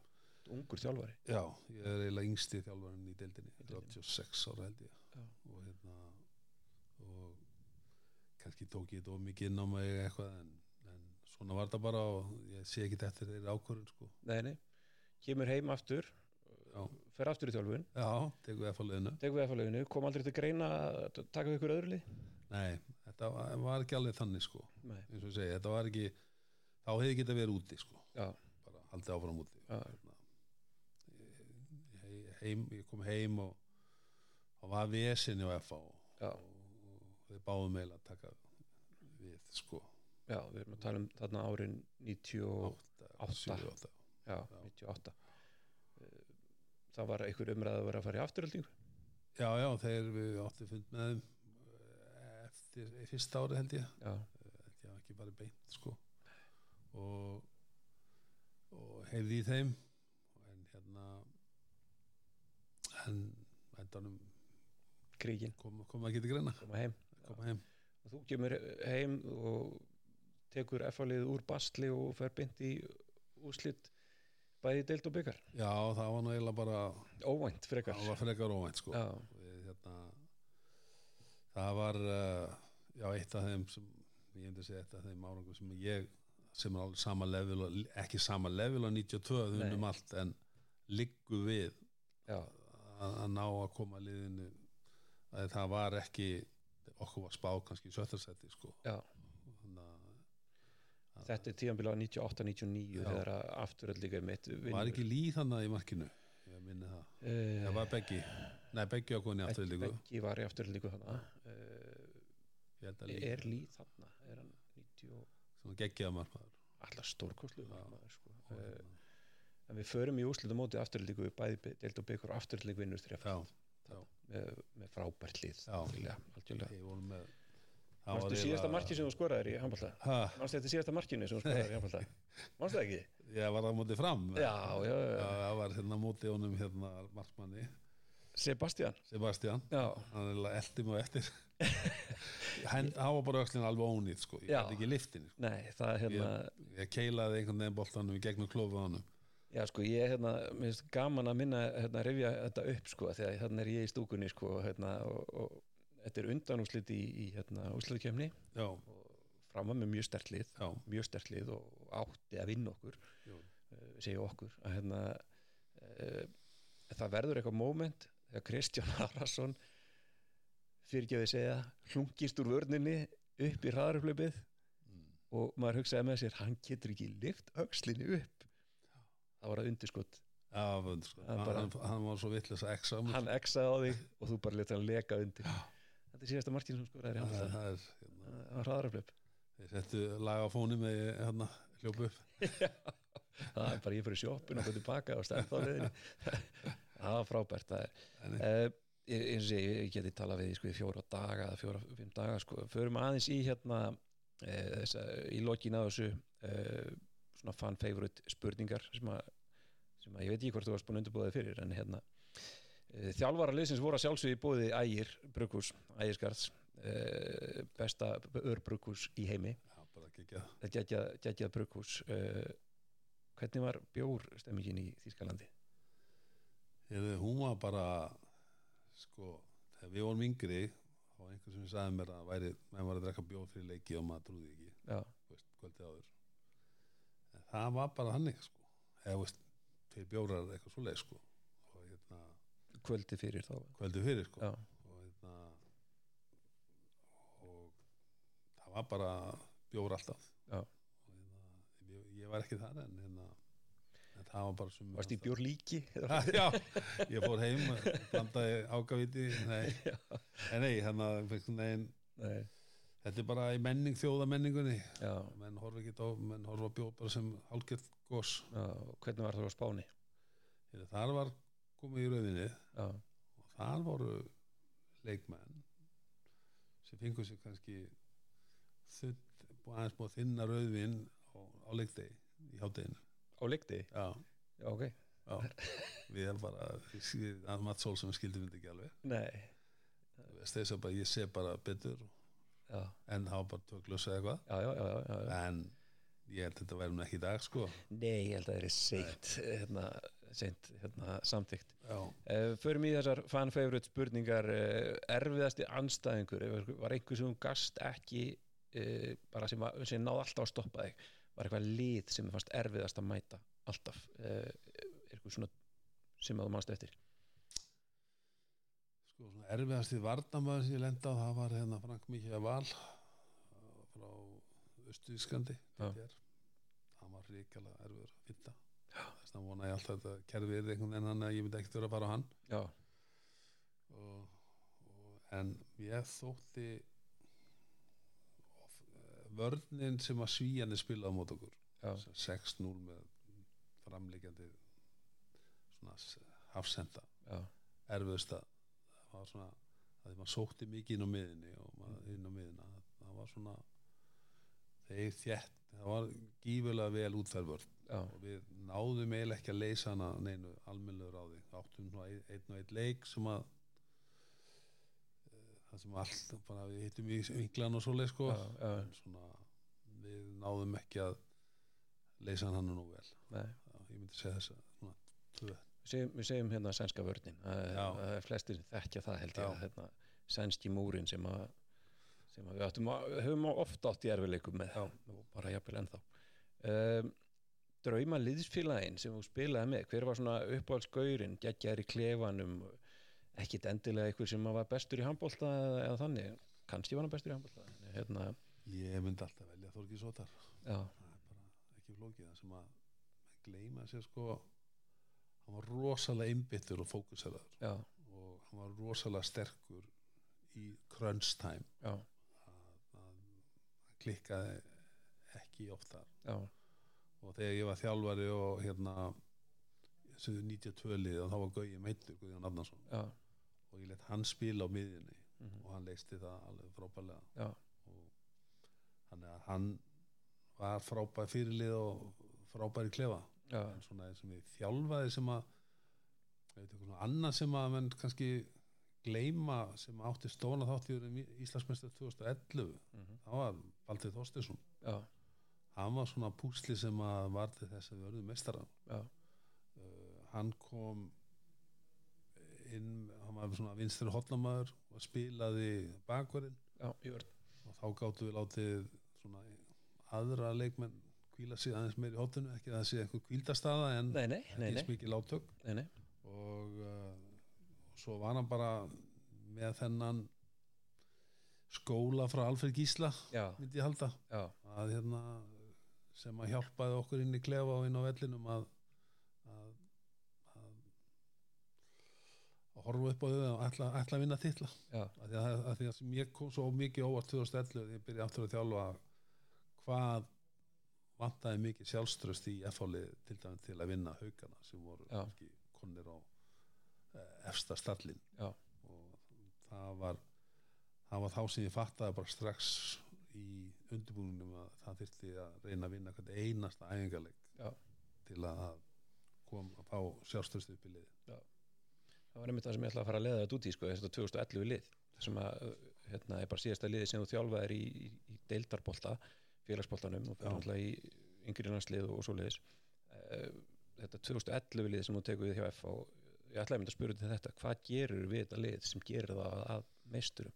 Var það þetta, var það sjálfströst var það, Já, ég myndi fyrst af hvernig þetta sjálfströsti Já. það var það var ég var- var einhverstað á móti held ég á Akureyri og, vissi sánu hvað Akureyri, Akureyri þá?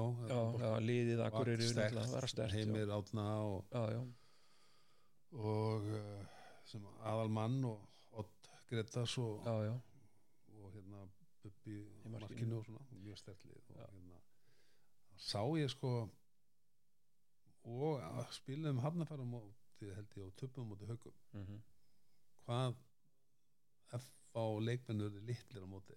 Já, og eiginlega svona í bullinu sko. Já. Þetta er náttúrulega haugað bara orðin stórveldi. Já og algjör og stórveldi að vera að vinna titla eftir titla alveg síðan hvað, 2000 þannig að þeir eru búin að vinna í tíu ári og haukar búin að vera svona stærsti klúburinn, stærsta félagið. Já meðan F á tíðanbilið fjallu niður Féllu niður um og deild upp og- með og Aron. Pálma. Hann spilaði bara eitt á síðan og fór út sko þannig að þetta var erfitt. Við vorum að missa leikmi mikið til í allir skona Já.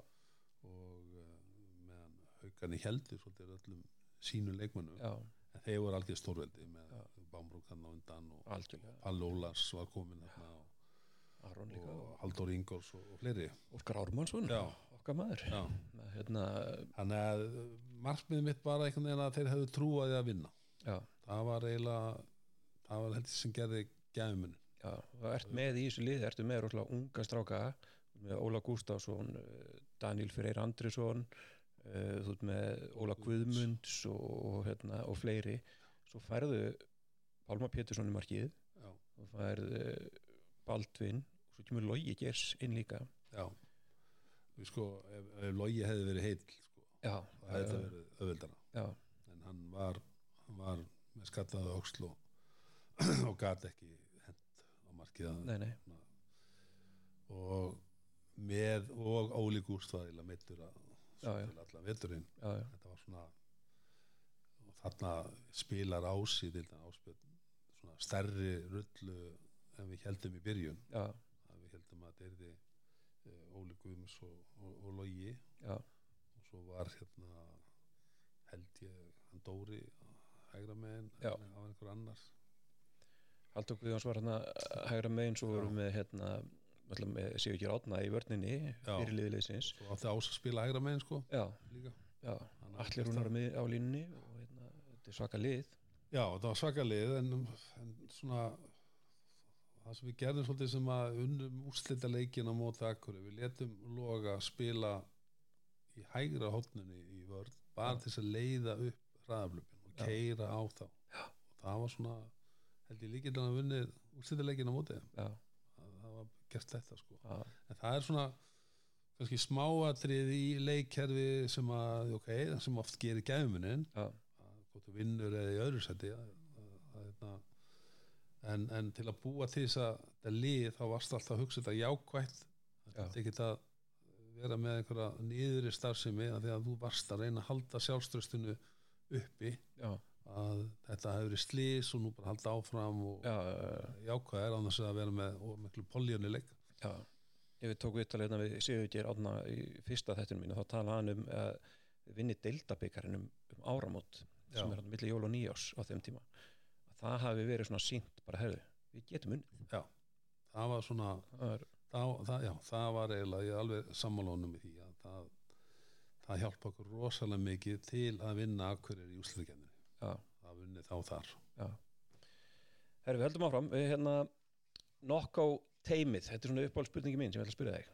Já, Nokko teimið, Nokko er náttúrulega hérna e, stærstu styrktar aðlar afreiks íþrótta fólks á Íslandi já. og engin smá hérna, mikið í, í skáttum hjá mér. En Nokko, allstaðar Þetta með fulla hillu á Nokko? Já, Gísli og Gunnar þeir eru sjúkir í þetta. Að setja okkur í þetta líka. Veldu þrjá menn sem myndu vil hafa í draumaliðinu þú þarft ekki að fara að spila með þeim. Þetta er bara þrýr menn í handbóltasögunni Mm. eða bara Mickey Mouse. Bara hverji sem er. Það maður taka þrjá menn til að sitja í þitt draumalið. Já. Uh, það er að nóg að taka. Já, það er að nóg að taka sko. Ég myndi setja, það er þrý leikmenn sem að, ok, bara svona sem poppa upp hjá mér. Já. það er hérna Karabatic Já. það er Lögren og það er Dita Mem núna hjá Barcelona örfendi. Með þessum leikmennu þreymur held ég fylla upp að um einhverjum. Já, já, já, held ég getum unnið marga til geggjaðir geggjaðir íþróttumenn og geggjaðir bara handbóltamenn og miklu sigurverar flestir í dag þekkja Karabatic og hans sögu og svo leis Löfgrein, hann er svona hvernig, eðlilega þeir sem fylgjast með handbólta veitu hver það er og, og, og svo leis hvernig hann, hann er svona leitói og svona, er hann stærsta stjarnan í gullaldali Þískal, nei hérna er hann? Já, hann er meira svona stærsta stjarnan í Kíl í Kíl já, og, og hérna og tekur svolítið svona við af kynnslóðinu Björn er. Svona heldur því áfram spilar áfram með þeim og gerir þá enn betri. Já. hann var miðjumæður skitta og, og var svona þeirra langflíkasti sóknamaður já, spilaði vörn og allt svoleiðis en, en hann kom með enn na, þau eru enn sterkari með hann inni. Já, menn heldur svona að Björn Dílsen hætti þá kemur þessi og ma- maður segir bara, wow hérna gæja. Svo veitum við díka með akkur er hann í Barcelona, akkur fyrir hann ekki í Akkur er menn ekki í Barcelona? Ég veit það, en þú veist, ég meina hann er díka með mér náttúrulega bara, hann er skrýmsli á vellinum algjörlega. Og hérna af hverju er hann í Barcelona? Jú, eh, hérna það væri gaman að sjá hann í Þískalandi í Já, Kíl eða eitthvað starf það hann er svona væri sko Kíl er náttúrulega bara svona, ég myndi segja flottasti Já. heimi Já, í bara allra tíma. Já, það eru þannig 12.000 15.000 manns. Þetta er NBA sjó. Mm þetta er á því leveli. Og, og þar eru bara hverju einustu helgi er þannig. Mm. galli við Barcelona er að það eru eiginlega bara einhverja almennilega árundur í stóruleikin Mhm. en síðan er þetta bara tómar hallir og, Já. og spila í spænsku deildinni í dag það er engin landsinsmaður að spila þar nema í Barcelona Já. og hinlegin eru bara djók bara 2-3 önnu lið allt í lægi væru í kannski fallbáratinni í þýsku undirslíkunni Mhm. þannig að, að það er svona sorglegt að sjá hvað, er, hvað spænska deildin er ekki góð í dag Já. það bara það sem er einmitt sko, það sem ég er að segja með það að það væri gaman að sjá hann í svona sjói eins og með kýl hverju einustu helgi Já, maður tekur svona dæmi sko eins og Sakosen sem er svona eitt Já, svo besti já. að hann kemur ekkert inn í á móti hvaða lið sem er og skorar sex mörg Nei. skona án víta mm -hmm. eins og hann gerði í Fraklandi Hann sýnir bara hvað því þýskalitin er fáralega góð af Já. því að hún er svo mörg tíu mjög góð lið það er mörg góð Já, og hérna Jú, jú, en þú veist, þegar þú fætt tilbúð frá Barcelona þá, það ferðu, þá já, það er það sem Aron sagði. Það uh, hérna, þú talar um kýl og að það sé stærsti klúbur og, og stærsta dæmið í bara handbóltasögunni hvernig var að, að sonuðin Gísli Þorgir hvernig var að fá samning hjá kýl fyrir hann, hvernig var að horfa á svansinn komast í þennan klúb Já, bara þegar Alfred ringir sko bara, maður vissi svo sem að, að menn var að fylgjast með honum. Já, já, bara að maður þjálfa hann í ungleikalandsliðinu og, og það voru lið bæði í Ískalandi og Danmarku og svo þegar Kíl kemur með alla hann inni þá sko þú, þú velur ekki það ár. Þú þegar þeir ringja og, hérna, og þeir ætla skól, hann ætla skólan til og svona og, þannig að búin að gera það með Aron til dæmis. Tekur Aron ungan inn. Já, og hann svona var hugsaði nákvæmlega sömu leið heldur hann niður á jörðinni en, en hann sem að fer svo- svo sorglegt fyrir gísla er þessi meðsli og hérna þá næri hann ekki tröppugangi. Nei, með liðinu og hérna en þeir voru alveg byrjun ákveðnir að einmitt að búa til nýjan Aron Pálma sko. Já, en svo endan gekk það ekki upp og fekk nú all, annan frábæran klúb sem hættu er betur Magdeburg, austuþíski um, uh, kúltúrin sko. Já, já, og og hann er núna heppin að fara þangað. Já. það er alveg sama level, það er, það er kannski bara sjöðust árandur mhm, en, en ábáslur handbóltabæir eins og kýl já, og, og gengur allt út á handbólta og, og mikið saga. Algjörlega. Og hérna, og mikil Íslendinga saga líka.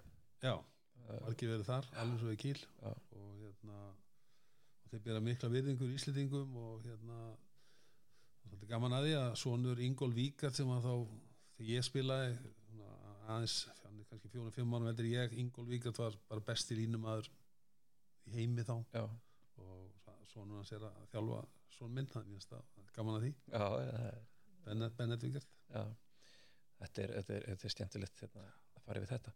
Uh, er eitthvað lið í handbóltasögunni sem þú hefðir viljað spila með en uh, spilaðir ekki með? Er eitthvað, er, ef þú mætti velja eitthvað eitt lið sem þú hefðir bara getað í þínum Klúbb. præm, já, bara klubbur, landslið, hvað sem er, það er Barcelona Barcelona. það var hérna það var svona það er, það er svo mikið saga í þessum klub og þú vilt vera hluta þeirri svo og hérna Kom það aldrei upp?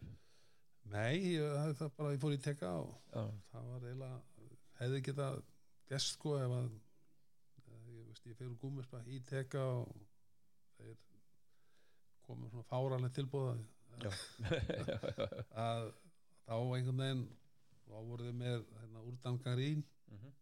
og hérna hann var í spænska landsliðinu þannig að það kom að þetta greina já. Það kom ekki upp.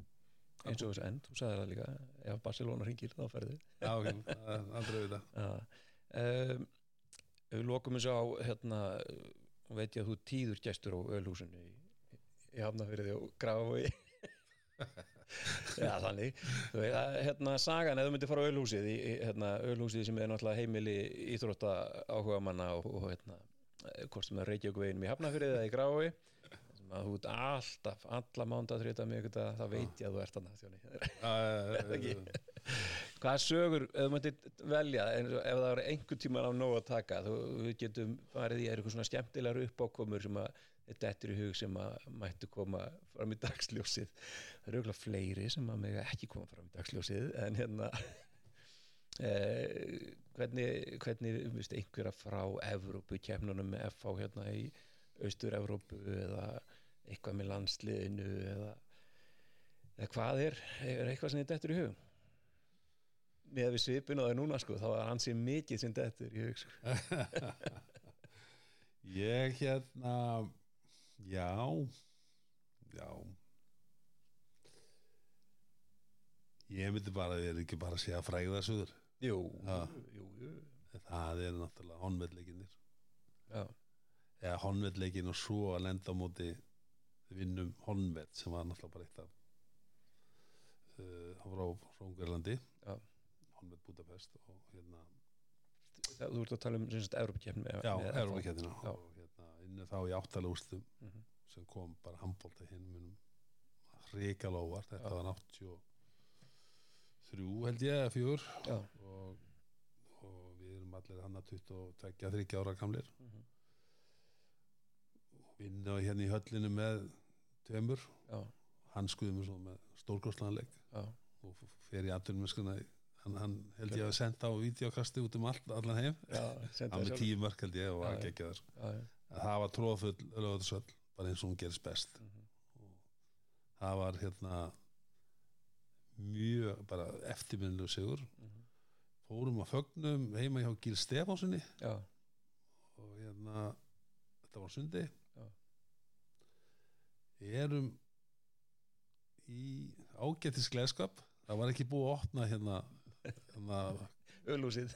Það var ekki búið að opna ölúsið það var ekki búið að hérna, förum eiginlega svona bara þeir sem vorum í landsliðinu lág við beint út af keflaugulöð Já, bara segja eins og þess já, betur fyrir var, var Bótan Kovalsik ekki sko, hann var með þís, viking í já, já, já.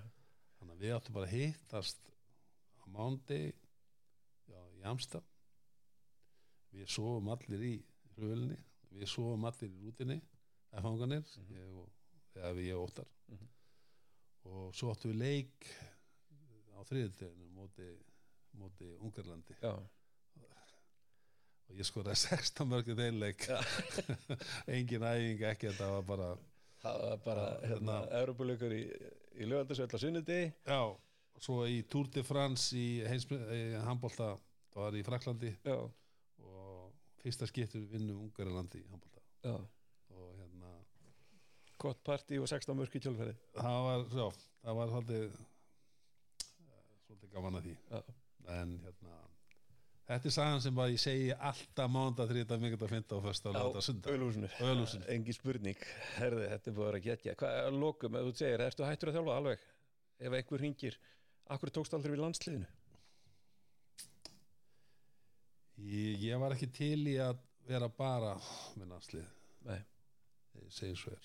Já, sko, ég vildi bara einbytta mér að landsliðinu. Við áttum, við áttum spjallið hafa síðan þeim tíma, sín tíma menn ég vildi fá landsliðstjálfan sem starfsmann inn á skrifstofu já, og, og vera kannski með útbreyslu starf og annað. Já. að ég var ekki til í það. Ég ætla, hafði bara að ég hef bara að hófa þjálfa landslið og ekkert annað. Já. þannig að þeir voru að leita að öðru manni í það starf það þeim tíma. Já. Það hefði verið gaman að alveg, Eður eru búið það í dag? Að, ég, ég, ég er með símanumir hann að ég vona að þeir séu með símanumir mitt. Já, þeir nei, vita hvað þeir eru að finna. nei, það er bara búið.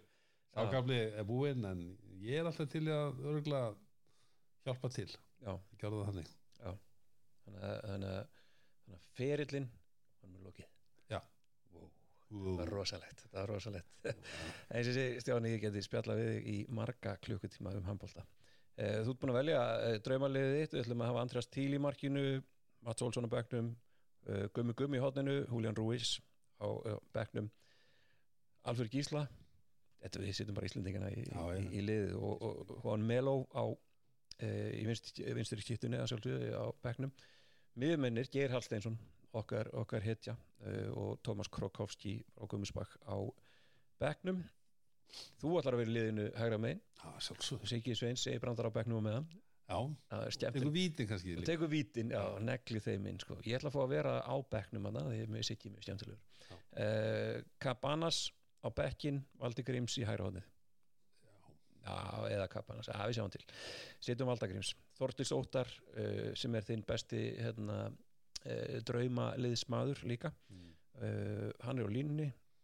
Uh, hann var línumæður sem að gæti spila miðju. Já. ótrúlegt þeir eru ekki margir í dag sem geta gert það um það. þjálfarnir Bótan Kovalski og Hæni Brandt uh, varnamenn Alfred Gíslason og Kristján Arason uh, ein spurning, var Hæni Brandt var hann að þjálfa Valló Massenheim þegar að F.A. kefti við það, Já, er það ekki? jú, jú, það passar. Er það ekki? Ég man að ég var með hérna Já, tala með þetta. Ég er alveg með þetta sko eh, hérna, þetta, Við erum alltaf að tala um sko Ég var með plakkat af Valla Massenheim upp á, upp á veggi herbygginu Setna á svo plakkat af Túsim Essen uh, Já, ég er svona veltaði fyrir mig hvað ég á að kreista út þeir hérna áður en ég leði þeir að fara sko. um, Eitthvað lið sem þau vilja spila með það er að sjálfsögðu Barcelona. Ef að Barcelona ringir þá, þá myndir þú fara. Þá myndir við að spila með þeim í dag uh, Erfiðustu anstæðingarnir við ætlum að setja sænska lið sænska vörnin það er eftir að eiga hana þrýr sem að myndi vera í nokko draumaliðinuðinu uh, með fullan skápa, ískápa á nokko. Og það er Karabatic, Lövgren og Díka Mem og svo eru náttúrulega endalista sögum á ölhúsinu. Uh, bara að lokum forvinni spurning. Hvað var besta, hvort var erfiðar að spila í erupkemninni móti Val og Massenheim þegar þú varst að þjálfa eða Túsi Messen Erfiðast var að spila mútið Metapóla Plastika. já, það var erfiðast Það var í undanúrslutum. Ég ætlaði einmitt að segja eftir ungarleikin. Fengum við þá. já, Við töpuðum fyrir leiknum hérna heima með 10 og úti með 12. já, Þeir voru bara með, ég myndi segja það lið og franska landsliði segja svona bestu lið allra tíma. tíma metabólik plastika ég er nú búin að heyra margar sögur frá hérna, mínum fjölskyldumanni Mópa, Sverri, Kristni Kristni sinni að, Já. hérna, uh, var það getur sagt mér eitthvað frá því æfintýri? Já, bara þetta lið var náttúrulega ótrúlegt sko. Það var Ísakovits í vinstri hodnin sem var bestið vinstri hodnamæri heimi. Það var Vujovits, vinstra skipta sem að, er- var besta skipti í heimi. Já. Það var Portner á miðinni. Uh, hann var í Barcelona eftir þetta. Þeir fóru allir Já, í, í lönd og það var uh, Svetskovits og Petskovits held ég hérna í örfitt skipta báður í það var all, all landsmenn. Það voru, það voru 14 landsmenn Já. þarna og uh, síðan var Rinic og Vukovic á línu geggjaða markmenn og Balic í markinu. Já. við áttum ekki sens og engin lið á þessum tíma átti sens á móti lið. Þeir unnu svo Prag með held ég 5 og 7 mörgum í úrstildaleg í mestardildinni Já. þannig að þetta var bara í, minningunni og ég held að ég þóri alveg að setja þá á með bestu liðum í heimi. Örglega eitt svona, já, við myndi segja besta félagslið heimi meðan franska landsliðið besta frans, eða svona landslið í heimi er Gægjað Takk hjá fyrir þetta. Kristján Arason, takk fyrir að koma í Handból Special og uh, endum að og því að segja sjáumstu auðlúsun Takk sem leðis Takk